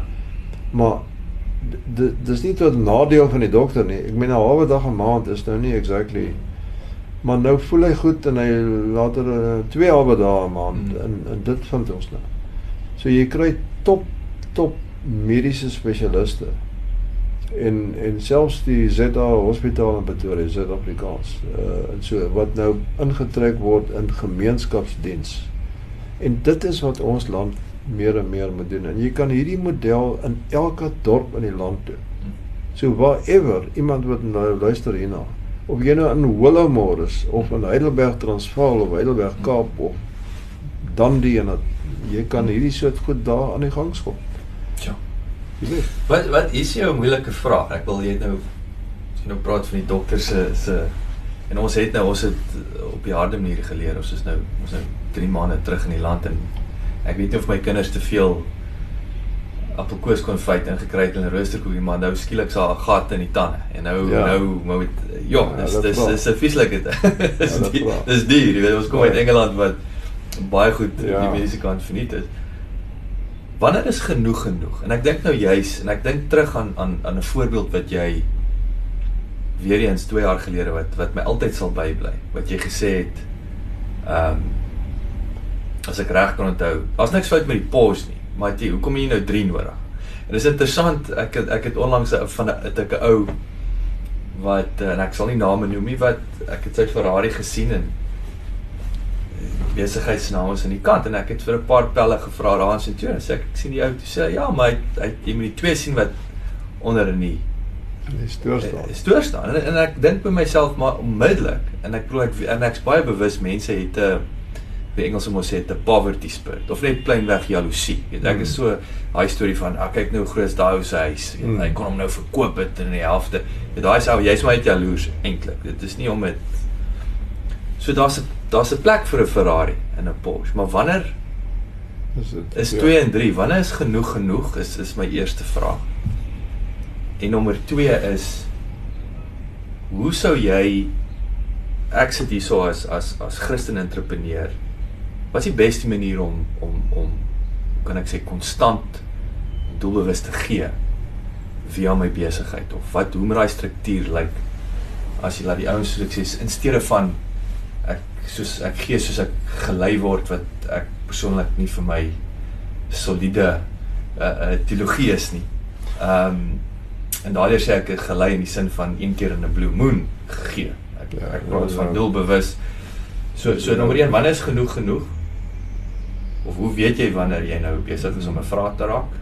En nommer 2, wat is 'n uh, uh, wat is 'n potensiële Die, struktuur? die tweede deel is makliker uh ehm jy weet die uh, gaan jy nou verstrik raak en moet jy nou voor of na belasting gee en al sulke nonsens Mm. wat mense baie keer nou.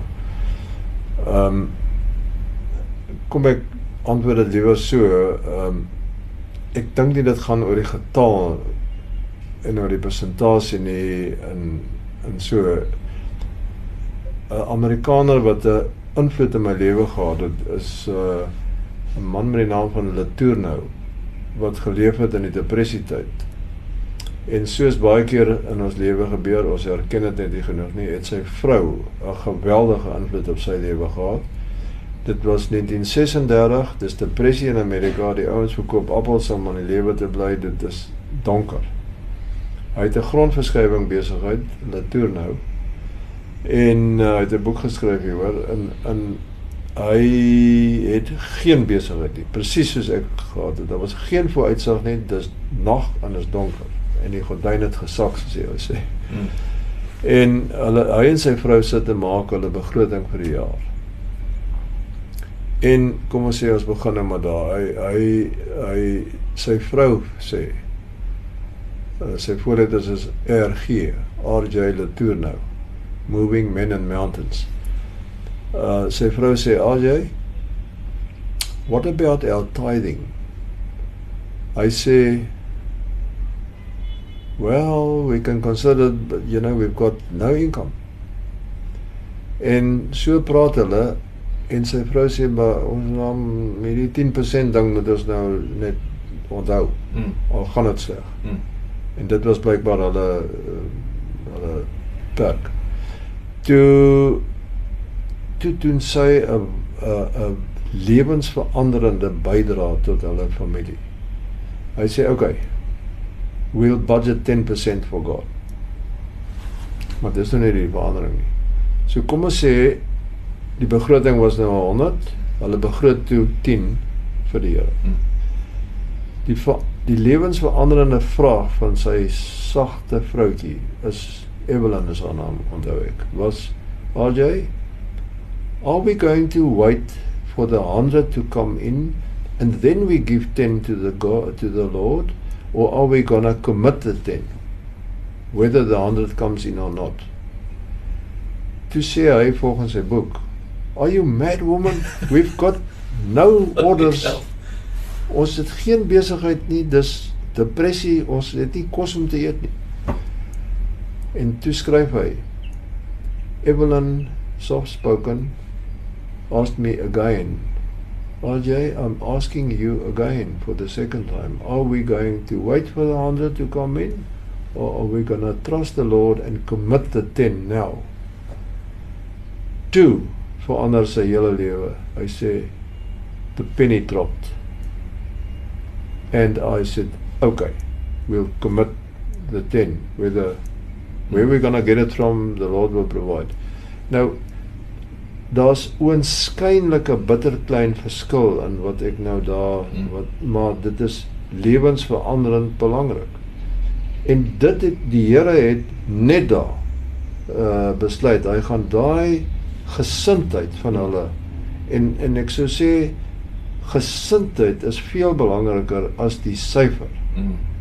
Die gesindheid het die Here ge, uh, geseën en uh, Latour wat een van die grootste grondverskuiwing en groot toerusting vervaardigers in Amerika geword.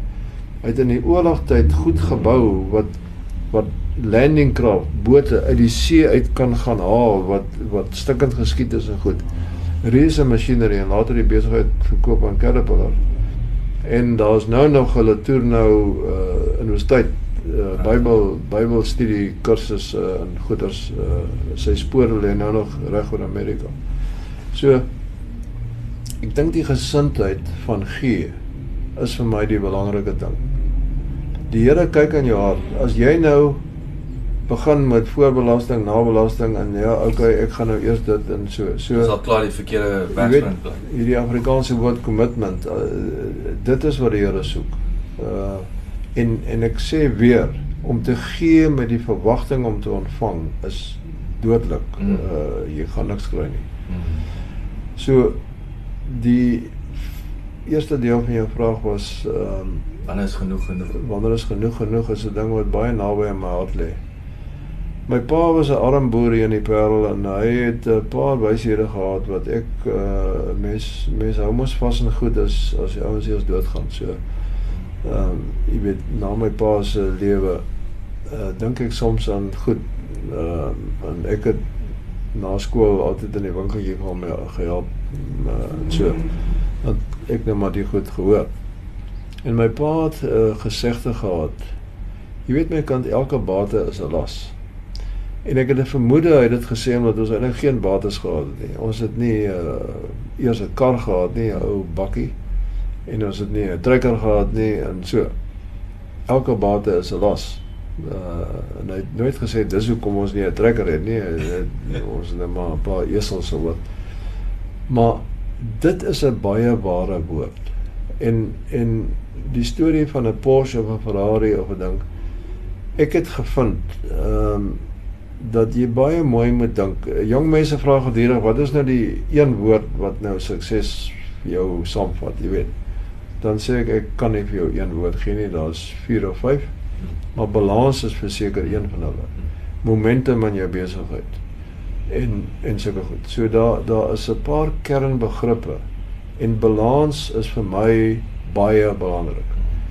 is dit gebalanseerd. Ehm um, ek wil byvoorbeeld baie graag 'n bakkie hê. Nou ek kan seker nou 'n bakkie bekostig. Maar ek kan hom geen aardse rede dink hoekom die bakkie nie vir my 'n las gaan wees nie. Want nou staan daar die garage vol. Mm. Ek het nie regtig 'n aanwending daarvoor nie, Mm. et cetera, et cetera. So kom ons praat oor die Porsche. Ek sal bitter graag 'n Porsche wil hê. En ek het nog nooit een gehad nie en ek probeer niks sê dat ek nie een koop nie. Maar vir my gelukkig het 'n vernoot vir my eendag een gekoop. Toe sê ek, "Man, kom ons ry net om die blok dat ek voel." Hmm. Nee, jy kan self ry. Ek sê nee. Ons het nie 200 meter gery nie. Toe weet ek dis nie vir my nie. Hy's ongemaklik. Hy jy sit te laag en die ding stamp en so. So dit was vir my uh jy weet uh maklik. Ja. As jy 'n vurige motorondersteuning is, uh belangstellende is en 'n Porsche is jou ding. En ek hoor nou eendag hierdie wonderlike man Brand Pretoria is uh iemand vra hom op op radio verlede week. Nee maar het hom seker lekker kar. Ja, hy het 'n Porsche 911. Ek gun dit vir hom Hmm. uit my hart uit, Hmm. want hy's 'n motormens. Hy's Ja, hy's ja. seker Kom ek Die- nou met 'n verskoning rede het om van sal ek nou sleg dink om hom te sien? Nee. Hm. Maar vir my is dit is dit so as jy nou as brand 'n Porsche het fantasties. Hmm. As hy 2 het ook oké. Okay. Maar as hy nou 5 het dan moet jy begin wonder waar uh, is die balans nou? Mm. En ek weet hy het nie 5 nie so uh, ek beledig hom nou nie ek het die hoogste respek vir hom.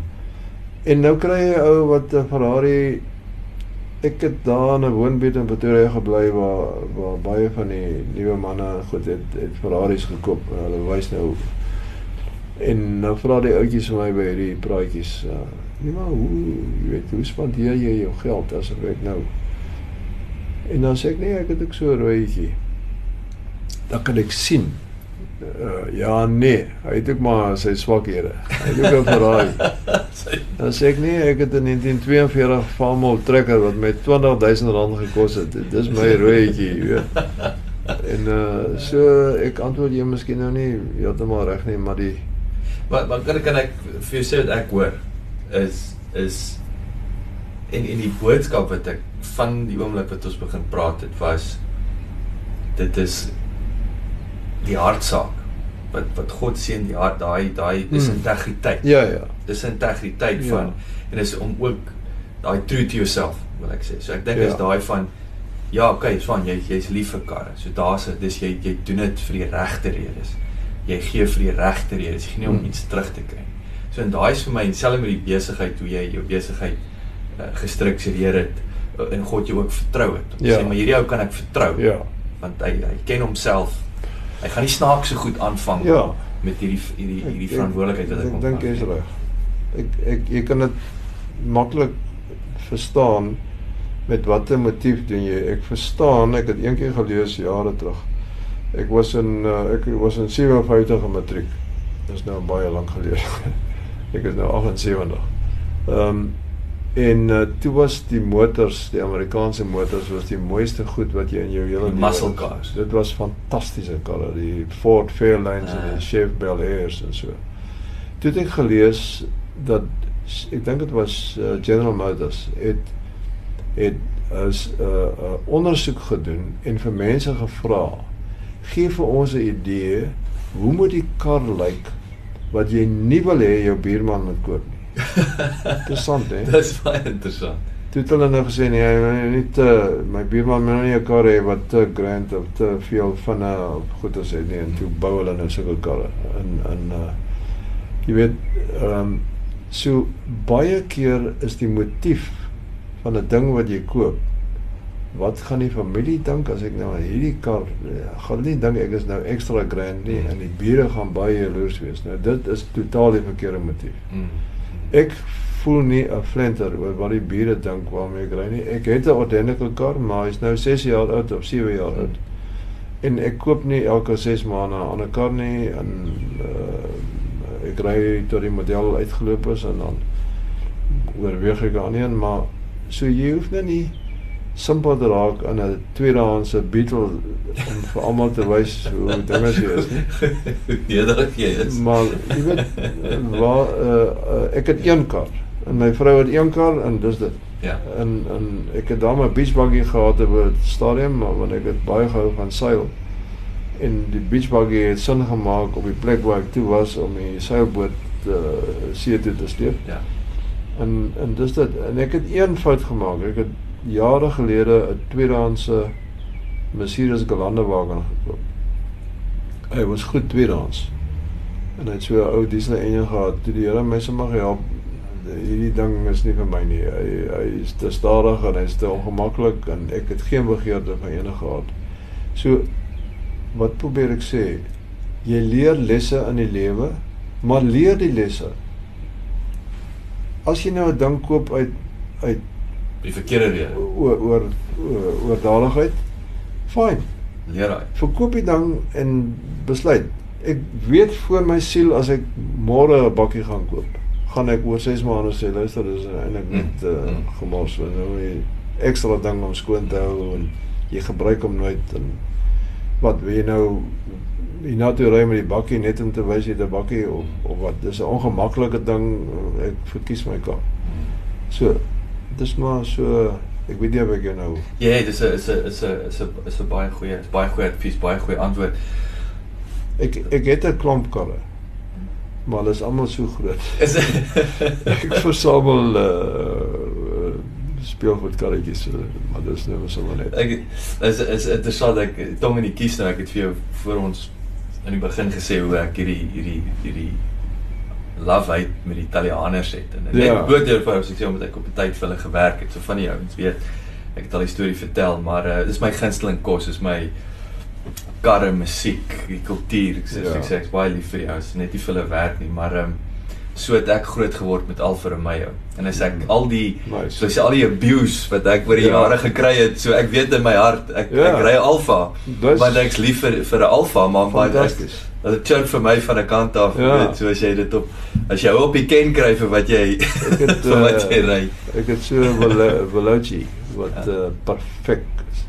So ek het nou oor die jare geleer waar om te koop en uh, ek versamel net uh um, versamelbare nie speelgoed nie. Uh, jy kry Nee. sulke collectible. Sjoe. So, weet jy, ek kry eerlikwaar net soveel plesier uit die 50 of wat metalletjies wat ek het, eh, die helfte trekkers en die helfte karre. As wat ek uit meer eintlik want ek weet die ding kos my niks en hy en en ek het nou 'n verskeidenheid. Ja, ja. En ek kan daarna kyk en ek kan nog 'n En hy keer. en hy, en hy apprecieer. Ag, ek weet nie eers dit maar. maar dis dis daai kom terug die boodskap Ja. is bly bly true to yourself. So ek ek wil ek wil vir jou vir jou ehm um, die twee vrae is is weet om terug te kom na die koninkryk ehm um, wat wat is vir jou wat is die naaste in jou hart? Ek wil daar's en ek kom ek gebruik nou 'n voorbeeld so my ek ek kinders is vir my belangrik. Dis my baie is my hart, my hart is, is kinders. Wat wat staan vir jou uit oor die jare in in, in die koninkryk wat besonder na in jou hart is? Uh Jock, ek dink nommer 1 om terug te gee vir hom om te gebruik waar hy wil. Aan die ander woorde om 'n goeie instrument te wees.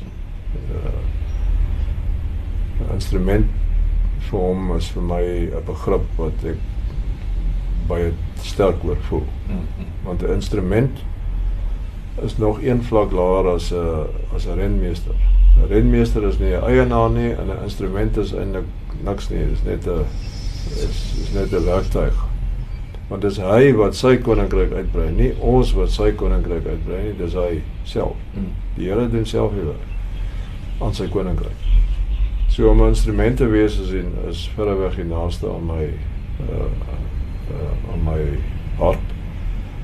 Wat die koninkrykswerk betref, kan ek maar net sê wat ons beleid in die in min of meer is. Ons ehm um, uh het natuurlik 'n voorkeur vir opvoeding en jeug. Maar nie net dit nie, Mm. maar kom ons sê in terme van van die van God se kinders in Afrika is opvoeding en die jeug verreweg die belangrikste. Ek dink kort daarna is die ek kan nie nou dink aan die Afrikaanse woord nie, maar die die multiplication gearing factor om om ander mense te help uh ander sake mense te help om ook uh te begin gee.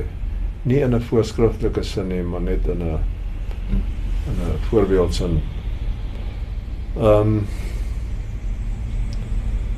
vir my persoonlik ehm um, dit klink nou polities, maar ek ek moet dit sê as jy my vra. Ehm um, vir my persoonlik is uh dis nou nie eintlik wat jy vra nie, maar uh is Afrikaans belangrik. Uh ek ek moet dit kwalifiseer en sê Afrikaans in 'n positiewe konteks. Ek het hier in die Weskaap groot geword en die breingemeenskap lê baie naby aan my hart. Ek ek het 'n uh, politieke geweldige skuldgevoel teenoor hulle. Ehm um, en dit is eintlik ons familie. So, ekskuus vir die politiek, maar dis soos ek dit sien. En ons miskende familie.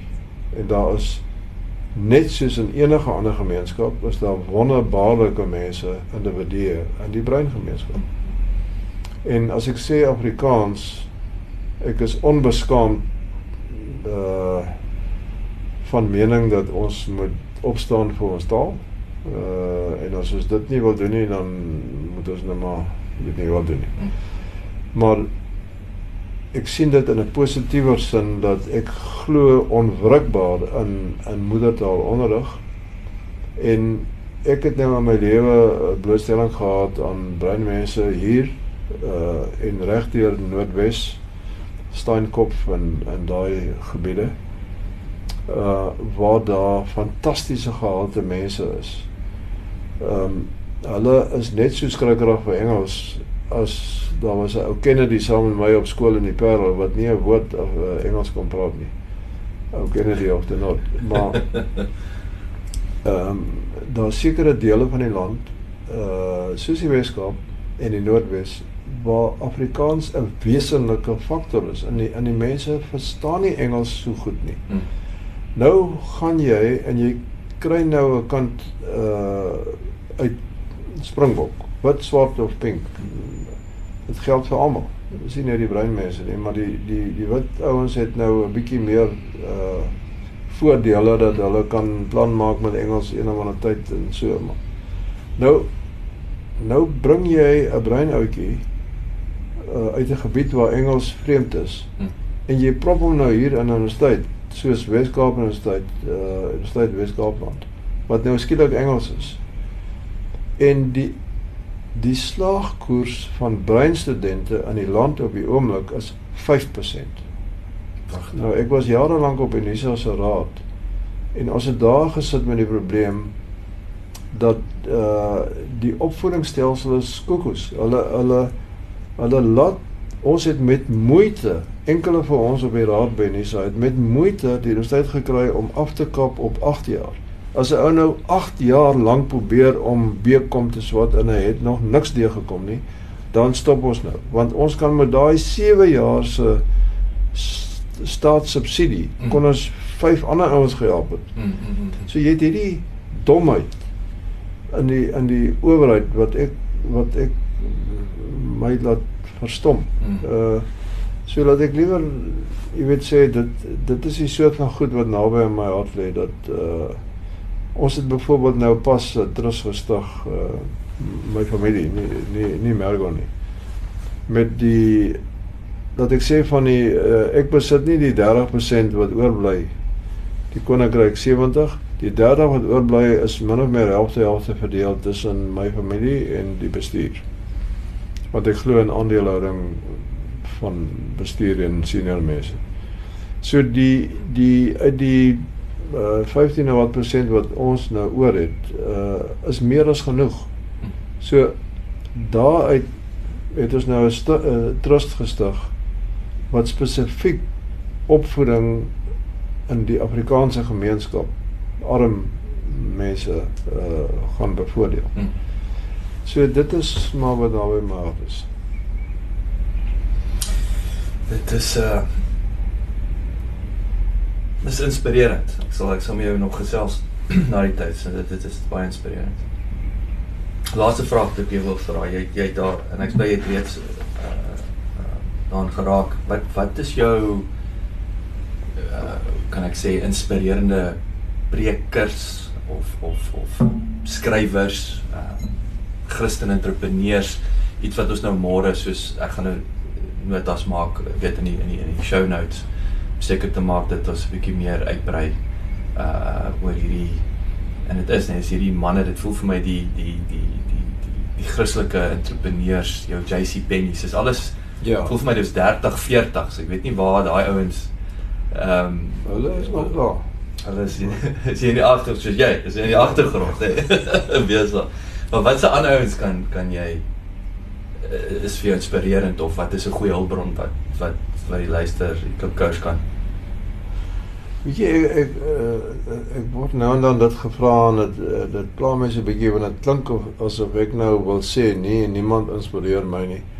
Uh ek het gesê Latournou het 'n uh, um, ek het in die Parel op skool by 'n tandarts die dokters dat jy mos altyd wag so ek het by die tandarts gesit en wag uh en net ek 'n halwe blad in die Reader's Digest gelees van natuur nou.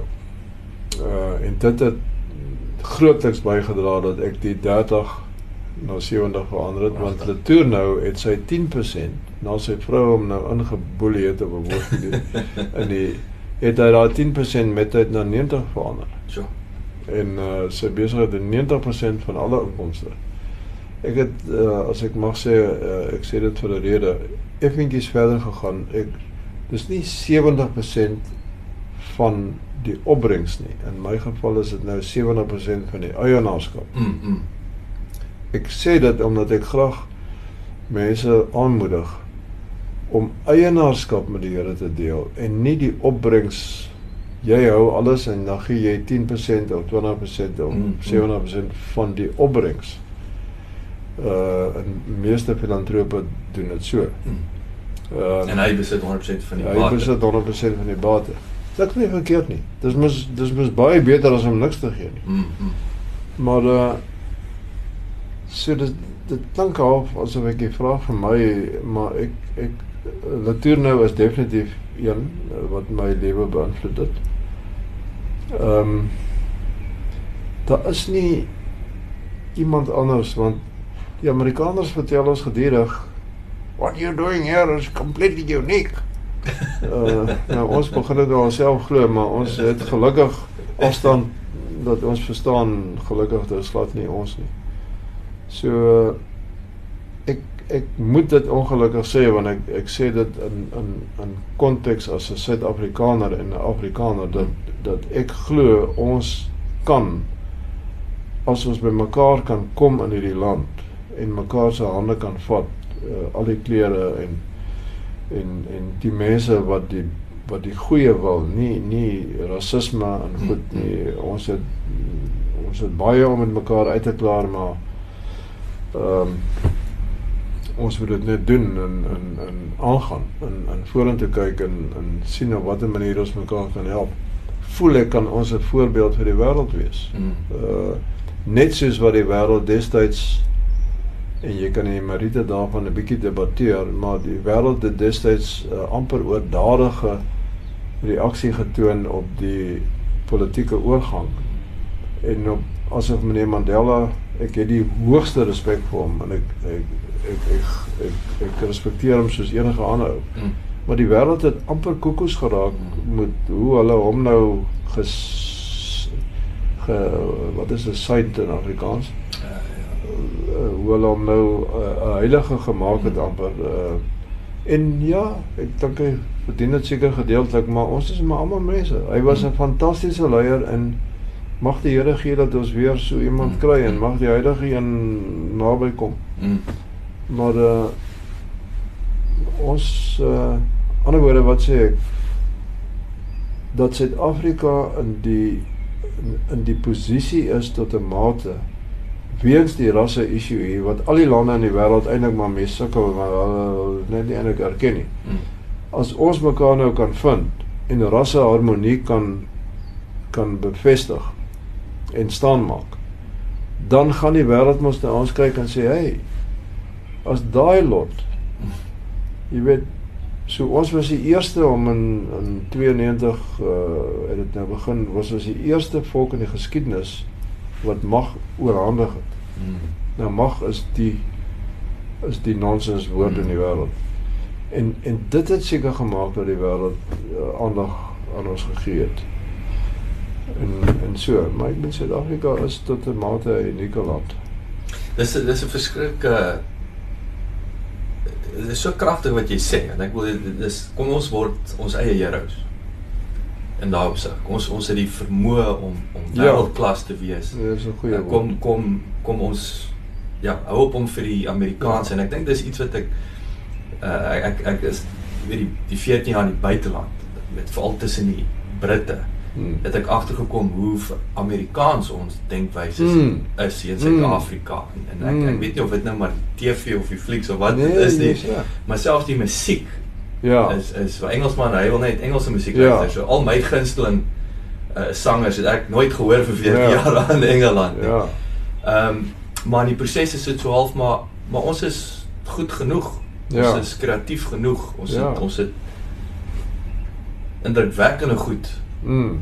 En ek wonder is dit is dit is om net terug na jou jou Denel daar wat jy wat jy ek wil sê die ons op ons beste as 'n as 'n as 'n as 'n kultuur en nasie. ek weet nie ek ek ek hoe hoe kom doen Suid-Afrikaners goed in die wêreld ek alrede wat ek kan dink is ehm um, daar is daar is 'n genetiese element ehm um, van in my kop maak dit sin. My voorvaders het in uh, 1669 hiernatoe gekom. In my uh, kop maak uh, glo ek graag dat ons voorvaders om in 'n klein skipie op die groot see te klim en jouself te laat oortuig jy moet nou na hierdie woestynheid toe kom ergens in Afrika waar jy nie 'n klou het. Jy kan nie Google of niks. Jy kan nie eens a, op 'n kaart mooi sien wat daar aangaan nie. So om in, om om jy weet in 1670 of wat kort na Karibik nou te besluit daar moet iets in daai ouens gewees het. Nou my eie familie op Ligternoot het daar 3 gekom. Twee volwassenes en 'n en 'n opgeskote seun. Die twee volwassenes het gesê nee. Nee, nie hierdie land vir my nie. En is terug Holland toe. Ja. Terwyl die seun gebly het en hy is die stamvader van die van Niekerk, Hendrik Cornelis van Niekerk. So daar moes iets in daai ou gewees het. Uh so is daar in elke familie in Suid-Afrika is daar geskiedenis Hm. van uh gevlug vir die uh godsdiens uh verdrukking Hmm. of watter rede ook al. So daar's 'n genetiese kom ons sê nou maar biltong element Hm. binne jou erns Hm. vasbyt en en tweedens dink ek hoekom Suid-Afrikaners goed doen in die wêreld. Ons het 'n boer maak 'n plan houding hierso, attitude. Ehm um, ons doen goed uh self en maak 'n plan en en en uh, is konstruktief. Terwyl in baie lande is die is dit noodwendig so dat die spesialisering maak hierdie ou 'n absolute expert op die linker voorwiel van die kar. En daar's 'n ander ou wat expert is op 'n ander wiel van die kar en so is daar 'n ou die linker deur en die regter ding en dit en dat. En terwyl ons deur omstandighede hier gedwing is van voortrekker tye af tot vandag toe om 'n breër perspektief te hê en en goed meer in in 'n in 'n in 'n ongespesialiseerde rigting ek ek struikel nou oor my eie woorde maar ek dink jy weet wat ek probeer sê daar is 'n daar is 'n holistiese vermoë wat ons het ehm um, en nie net uh jy weet baie lande het het het wetgewing en goed wat jou verskriklik inperk Mm. en en jy leef nou net so Hm. en ons begin 'n bietjie in daai rigting dryf en ek hoop ons gaan dit kan keer. Maar uh hierdie is nou die en so werk dit in, in hier buite hierdie uh die en terwyl ons daar in die verlede nog kon Ja. uh, bietjie buite die uh, uh kreatief kon dink en en goed. Maar daar's seker ander redes ook. Ek ek weet nie, daar's slimmer mense as ek wat dit kan uitlê. Maar daar, ek dink daar's iets en ek dink dit is weer eens so ek en ek dink net hardop wat ek ehm wat wat vir my hartseer is en so ek sê ek wil nie polities raak nie, maar dit voel vir my as baie Afrikaners wat wat wegkruip, wat skaam kry amper vir die Afrikaanskap en 'n Ja, maar dit was nou altyd so. en dit is vir my dis iets wat ek nie ek dink juis omdat ek nou vars uit die buiteland kom en en, en nou eh, hierdie soos jy sê hierdie Afrikaner ontwaking gehad het eh, wat wat dit is vir my Ja, dit is vir my eh, tragedie. My pa het altyd vertel my pa uh, is getroud toe hy 45 was, so hy is in die vorige hy's in 1894 gebore nou, wat nou vir my 'n sekere perspektief help gee het en hy het op hy was op skool jy weet uh bietjie meer as 100 jaar gelede. So Ja. hy het byvoorbeeld die bord om sy nek moes dra Dutch donkey Sjoe. as hy Afrikaans praat in die skool. Yes. Nou nou dit gee vir my 'n sekere pers- perspektief. Ek kan nou vir 'n bruin of 'n swart vriend sê, luister, hou op met jou jammerhartige dinge. Natuurlik was dit verkeerd. En hoeveel keer moet ons nou sê ja, Mm, mm, onderdrukking was daar. Uh, uh, en ek het in 1974 'n brief in die koerant geskryf wat ek sê ek stem nie saam met hierdie goed nie. So ek het ten minste 'n rekord dat ek Mm. toe gesê het nee Ja. as 'n jong snyder. Uh en so my pa het daai vernedering moes ervaar en so was daar die die Afrikaners was as as backvelders deur die Engelse landgenote hierso uh vertrap wil ek amper sê. En en so, maar moet jy nou aanhou om jouself jammer te kry daaroor en jouself op die manier te te kniehalter Mm. of moet jy sê kom kom ons kom ons soek liewer positief aansluiting by mekaar en en gaan vorentoe. Ehm um, en uh uh jy weet as 'n mens 'n ding kan oorkom, dan groei jy in jouself. Terwyl as jy as jy sit te verknies oor hoe sleg dit nou met jou gaan en hoe jou baas nou op jou geskel het en en hoe dit dan sit 'n negatiewe proses wat jy later aan as jy niks jy jy, jy ver, verskraal jouself tot 'n punt waar jy eintlik op die punt van 'n naald kan kan sit want jy is so klein en nietig. jy gaan nou al daai uitvier so Dit van 'n naal. Dis 'n uh, dis pragtig Afrikaans of sal ek sê vergelyke. Laaste maar nie minste nie. Jy het ehm um, weer eens ek ek kom terug na daai ontbyt wat ek bygewoon het. Het 'n fantastiese boek geskryf. Waar kry die ouens dit? Jy het nou ek dink jy het gesê Koem, dit gaan binnekort Koem. Waar waar kan jy boek vertel 'n bietjie meer van die boek ook? Is dit Ja, die uh laat ek sê die boek uh het geen geld maak motief van enige aard nie. Ons uh uh die prys uh, uh op R100 wat omtrent skaars die koste dek. Ehm um, en as daar rand of 2 oorbly wat ek twyfel, uh, dan gaan dit in elk geval in die trust in. So die die verkoopprys is R100. Die geskiedenis van die boek is maklik. Ehm um, Die uh, jong vennote hierso, die jong uh, kollegas het my uh, ingedruk en uh, op 'n dag 'n dame hier aangebring wat sê nee, sy gaan nou die storie skryf want jy kom nie aan die gang nie. En die finale woord was toe die hoof van die groep uh, Pieter Vore vir my sê, ehm um, luister, hoe lank gaan jy nog leef? toe toe besluit ek nee, toe ek uh, toe die Here weer op 'n manier die deur oopgemaak ehm um, tragies was my eerste vrou met wie ek 52 jaar getroud was, uh, Mems. Was op daai stadium baie siek. Uh en sy die laaste jare van haar lewe was nie lekker nie. En uh ons moes uh toe ons nou aftrek hierna toe tot haar krediet het sy met 'n uh, baie groot siekte het sy kans gesien om af te trek. En ons het in uh so 2 jaar in ons strandhuis gewoon in Melkbosstrand uh voor ek akkommodasie hier aan die gang kon kry. En uh het ek uh, 'n jaar afgeneem en Mem se siekte was so dat sy uh eintlik meeste van die tyd geslaap het en ek ek het toe uh tyd gehad om 'n jaar lank te sit en doodseker te maak dat ek elke rafeltjie van my ondervinding van Hmm. my pad met God te kan neerskryf.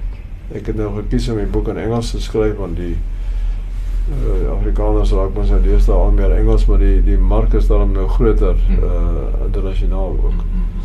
So die boek is nou in sy derde druk. Uh, volgens die uitgewer is hy op uh amper 4 keer bestseller uh, blitsverkoper status.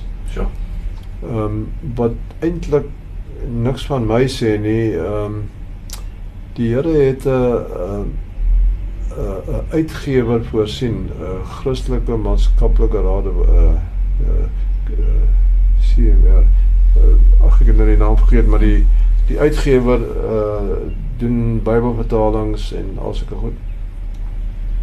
En die dame wat hulle vir my gegee het om my te help met die finale afronding en en die die redakteurselement van die boek Mm-hmm. is 'n baie gelowige vrou wat 'n reuse rol gespeel het om my te bevraagteken en seker te maak dat ek teologies op die spoor bly. Maar uh die boek 2/3 van die boek uh is my pad met God in besigheid. Uh en en presies wat gebeur het en hoe, en wat en wat ek verkeerd gedoen het. En 1/3 is die sakelesse wat ek nou maar persoonlik geleer het wat werk en wat nie werk nie. En as ek mag sal ek net sê die die laaste 20 jaar is nou 'n bietjie spog, maar dis nie ek nie, regtig nie. Die laaste 20 jaar voor ek oorhandig het uh 10 jaar gelede was die gemiddelde jaarlikse groeikoers van die groep 49 samengestelde persent 49% samengestelde groei per jaar Ongelooflik. vir 20 jaar. Yes. So dit dit dit is verseker nie as gevolg van my talent nie. Ek sê dit onbevange en verseker. Yes. So wat het gebeur in daai tyd dat die Here die ding by sy nek vat en hom jy kan nie 'n bankrot besigheidjie sonder kapitaal en steeds geen buitekapitaal nie. Ja, internasionale groep wat in vier kontinente op vier kontinente sake doen sonder kapitaal. Dit dit is sê net maar as 'n wonderwerk. Ja. Maar so uh ek het toe die boek geskryf. Die titel is uh Doing Business with Purpose. En die boek is beskikbaar uh ons het tot dusver dit maar direk bemark om die kostes laag te hou by www.doingbusinesswithpurpose een woord Mhm. doingbusinesswithpurpose.com. Uh dis op amazon.com ook uh, in elektroniese formaat of dan is maar die die maklikste is op ons eie webwerf doingbusinesswithpurpose.com en uh ons het pas ooreenkoms bereik met Koem boeke dat hulle dit ook uh, in die kleinhandel by Koem uh se kontakke Ja. uh, gaan hulle gaan nou 'n bietjie meer vra as R100 maar gaan hulle ook maar 'n bietjie wans. Ehm um, en uh, ons verkoop dit vir jou wat minder as R100 en hulle om die ding ook in die kleinhandel te versprei. Ja, ja. So dit is basies uh jy kan uh uh jy kan 'n elektroniese kopie ook uh ook koop uh, by doingbusinesswithpurpose.com en jy kan 'n Mandarynse uitgawe kry as jy wil. Pragtig. Uh, ons het nou pas die boek in Mandaryns vertaal. Ja. En uh omdat ons dink die Chinese mark is uh op die die Christelike geleentheid in China. Ek kan miskien net sê daar's ek was laas jaar daar dit hulle gespog oor 100 miljoen Christene. Daar gaan meer mense kerk toe in China op 'n Sondag as in Amerika. Ten Yes. spyte van die feit dat dit onderdruk word. Ja, maar so ondergrond sê daai daai daai. Dis kerk- ondergronds se grootlikste hang af van die provinsies. Party provinsies nie en ander wel. Maar uh, ek was daar in uh, openlike kerke in Beijing, uh, maar ander plekke uh, weer nie en so. So ek sê uh, drie weke terug word. Ek sê nie, maar verlede jaar was ons 100 miljoen. Nou 130. Ja, dit is reg. Dis dit met 30 miljoen meer. Yes, dit is Dit is maar 10% van die bevolking. ongelooflik. Maar uh dis nou 'n topik vir 'n ander dag, maar ek ek kan nie vir jou sê hoe motiverend is dit om om 'n hele nuwe horison Mm. vir die Christendom te sien daar nie. Dit is onreël. Die Ja. die uh, China is nie meer China nie, dis nou 'n ander China. En weer daai daai koneksie met besigheid, nê. Nee. Dit is wat dit weer Wel, ook spesiaal maak in die sin want maak dit ons nou spesiaal. die en DNA van. Ek was verskriklik opgewonde toe ek hoor 'n uh, uh, uiters Kom ek gee jou 'n idee van die gehalte uh van Christene wat ek nou daar teëgekom het. Uh uh ook Amerikaanse vennote van ons, uh, Joy of Giving wat verbonde is in die McClellan Foundation, maar dis nou 'n 'n bediening wat die Amerikaners het onder sakemense, Joy of Giving. Ehm um, ons het nou met hulle saamgewerk. Ons werk met hulle saam in China.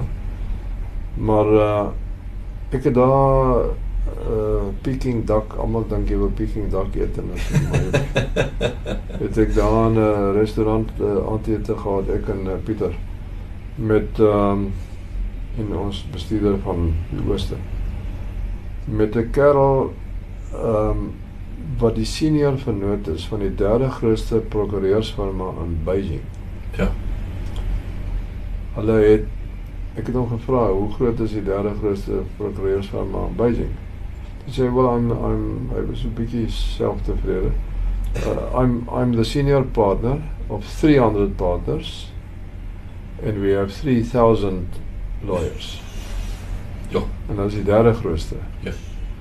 Maar ehm um, in 'n soortgelyke ou in Hong Kong waar hulle baie beter Engels praat, uh indrukwekkende man, Dr. Chan. Uh soortgelyke firma, senior vernoot. En uh as ek aflei aan die wat sekretarisse daar aangeskakel het terwyl ons in 'n plek eet, dat hy dringend iets moet teken uit uit een of ander posisie in die regsberoep. Committed Christene. Pragtig. Uh die ou in Beijing werk nou al 2 jaar aan 'n struktuur om sakemense in Beijing en in China uh, om 'n regstruktuur te skep waarin hulle geld kan gee wat die regering dan belastingvoordeel gee op voorwaarde dat hulle aan die aan die gemeenskap help. Ja. En selfs as ons nation builder dan Mm. sal ons dan nou daai geld 'n bietjie in die Christelike rigting Mm, mm, mm. net net nudge. Uh, so dis maar die soort ding wat hy nou Ja. wat hy nou passie vir het. Ehm um, ek kan nie onthou wat ek gesê het nie uh ek, ek, ek miskien net in een sin maar 'n ding wat baie naby aan my hart lê is die is die gesprekke wat aan die gang is. En ons het nou 'n geleentheid gekry om uh van alle mense het, het Mogoeng Mogoeng nou 'n uh, inisiatief aan die gang om leierskap in die gemeenskappe Mm. op te op te werk. En ek dink hy is absoluut reg. Hy sien dat die gehalte van leierskap gaan die toekoms bepaal. Mm. En uh om om op een of ander manier 'n deurbraak te maak. Ek ek kan nie, ons kan nie, maar saam kan ons miskien Mm, help. mm. Dat die geloofsgemeenskap en die sakegemeenskap. Ek sê die geloofsgemeenskap, nie Christene nie. Christene en ander gelowe mm, mm, mm, mm. saam. Die tyd is verby dat ons nou net op ons eie hoopie mekaar warm brei. Ons moet nou sê nee, die Christene, Moslems, Jode almal in die land. En ons kies biskop Magaba op wieever. Ja. Sê okay. Kom ons praat met die sakegemeenskap en sê is julle bereid om bo en behalwe julle belasting wat julle reeds betaal eienaarskap te deel? Dis 'n baie moeilike konsep vir baie ouens, maar ek praat nie van die helfte van die plaas nie, Mm. 'n stukkie. Mm, mm. Indien ons saam die- die geloofs en die sakemense saam na die regering toe kan gaan as een stem en sê so kan dit nie aangaan nie. Julle gaan nou SPA's onderhandel met ons. Groeikoers, misdaad, opvoeding en nog so 4 of 5 teikens wat enige regering behoort te doen op sy eie. Mm. En as jy dit bereik, gaan ons meer eienaarskap deel. Uh Barclays uh, Absa Bank gaan 2% van sy aandele aandele uitreik aan 2% in 'n trust sit of so. Dis nie 'n maklike konsep nie. Mm. Maar om vir die wat nie het nie te wys ons gaan deel wat ons het, nie net die opbrengs nie. En waar ons die regering op die manier aanbind om om hulle oog op die regte goed te sit. Mm. Die die regte goed is nie om weer verkies te word nie. Jy gaan verkies word as jy hierdie goed doen. Mm. As die groei koers wen, dan is die ekonomie. As die misdaad dan gaan alle almal sien. En hier is uh, ek bou nou aan maar is is 'n trust in Stellenbosch die stigter van Capitec Bank. Ehm um, Michiel Leroux. Het nou afgetree dit sy foundation, hy's ongelukkig goddeloos, maar um, hy het 'n foundation wat die Kaapse Stadsraad uh, die Kaapse owerheid ooreed het gee vir my 'n skool wat dis, disfunksioneel is. Gee net vir my die begroting van 'n disfunksionele skool. Hy sê in elk geval disfunksioneel. Ja, ja. Ek sal onderwysers en goed aanstel met dieselfde geld ek so 'n bietjie bysit. En hy lig skole wat 30% slaagsyfer het op na 90% slaagsyfer. Ja. Daar's niks met die kinders verkeerd nie. Dit is alles van die onderwysstelsel verkeerd. So op watter manier kan die sak kan die kan ons en die regering hande vat om dinge beter te doen. Dis daai soort van rigting wat ons moet gaan. Dis baie min. nou ja, jy voel jy nou totaal mag raak. om- Nee, ek kan ek kan nog lank mee gesê. Ek is net bewus ek het al so baie van jou tyd gevat en en ek op daai noot Frans so regtig is 'n Ja, is 'n voorreg om met jou aangesig tot aangesig te Ja. kon gesels. Dankie vir die vir die ongelooflike werk wat julle ons doen. Ek uh en dit is werklik jy is 'n inspirasie en kyk en dit kom terug na wat ons hier sê ook leierskap gaan oor mentorskap. Dit gaan oor voorbeeld. So dankie vir die voorbeeld Ja, wat jy wat jy is en en uh, ek hoop ons kan meer meer sulke uh, Afrikaners met daai tipe houding en en, en uitgangspunte kweek. Ehm um, of selfs net meer bewus word van jou. So ek sê julle ouens is mos nou kruip weg man.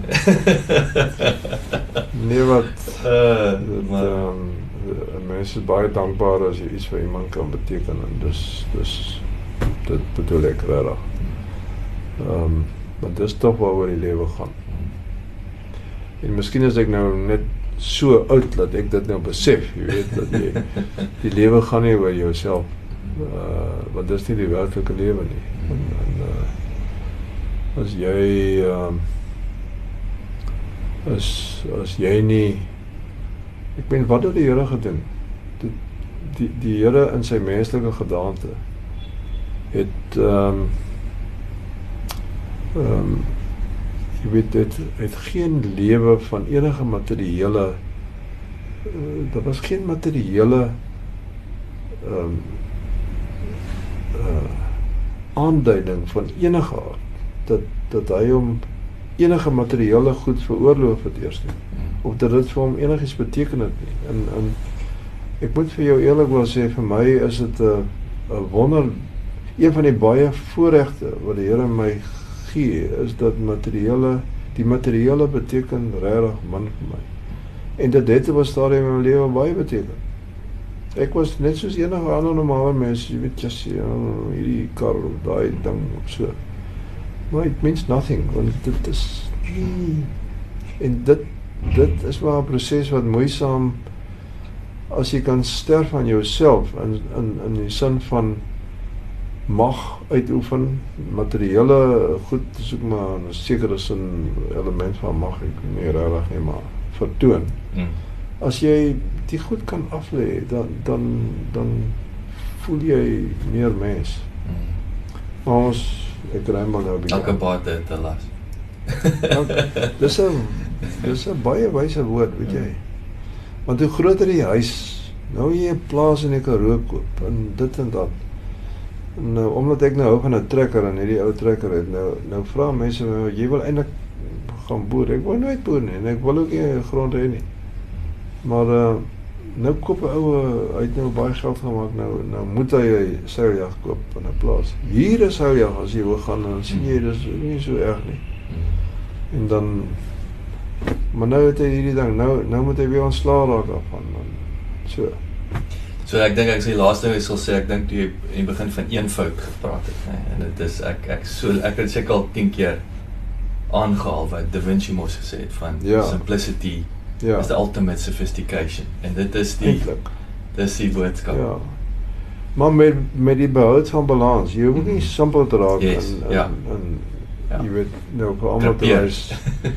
Beetle met drie wiele. Jy ry nou jy weet jy wys nou vir almal hoe eenvoudig jy is. Of ek Uber net, nee. Dis jy moet Ja. jy moet daar in 'n Ja. krepeerder. Ja, nee. Uh, Raja, sterkte met die tweede helfte van jaar en Dankie. uh ek hoop om weer met jou te gesels in nabye toekoms. Nee, jy's welkom. Ek sê dit nie vir almal nie, maar ek kan dit nie vir almal sê nie, maar dit is welkom.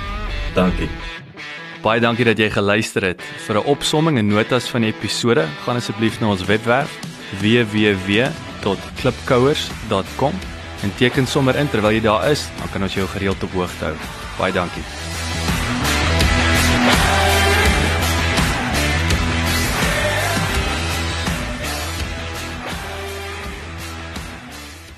This is CliffCentral.com.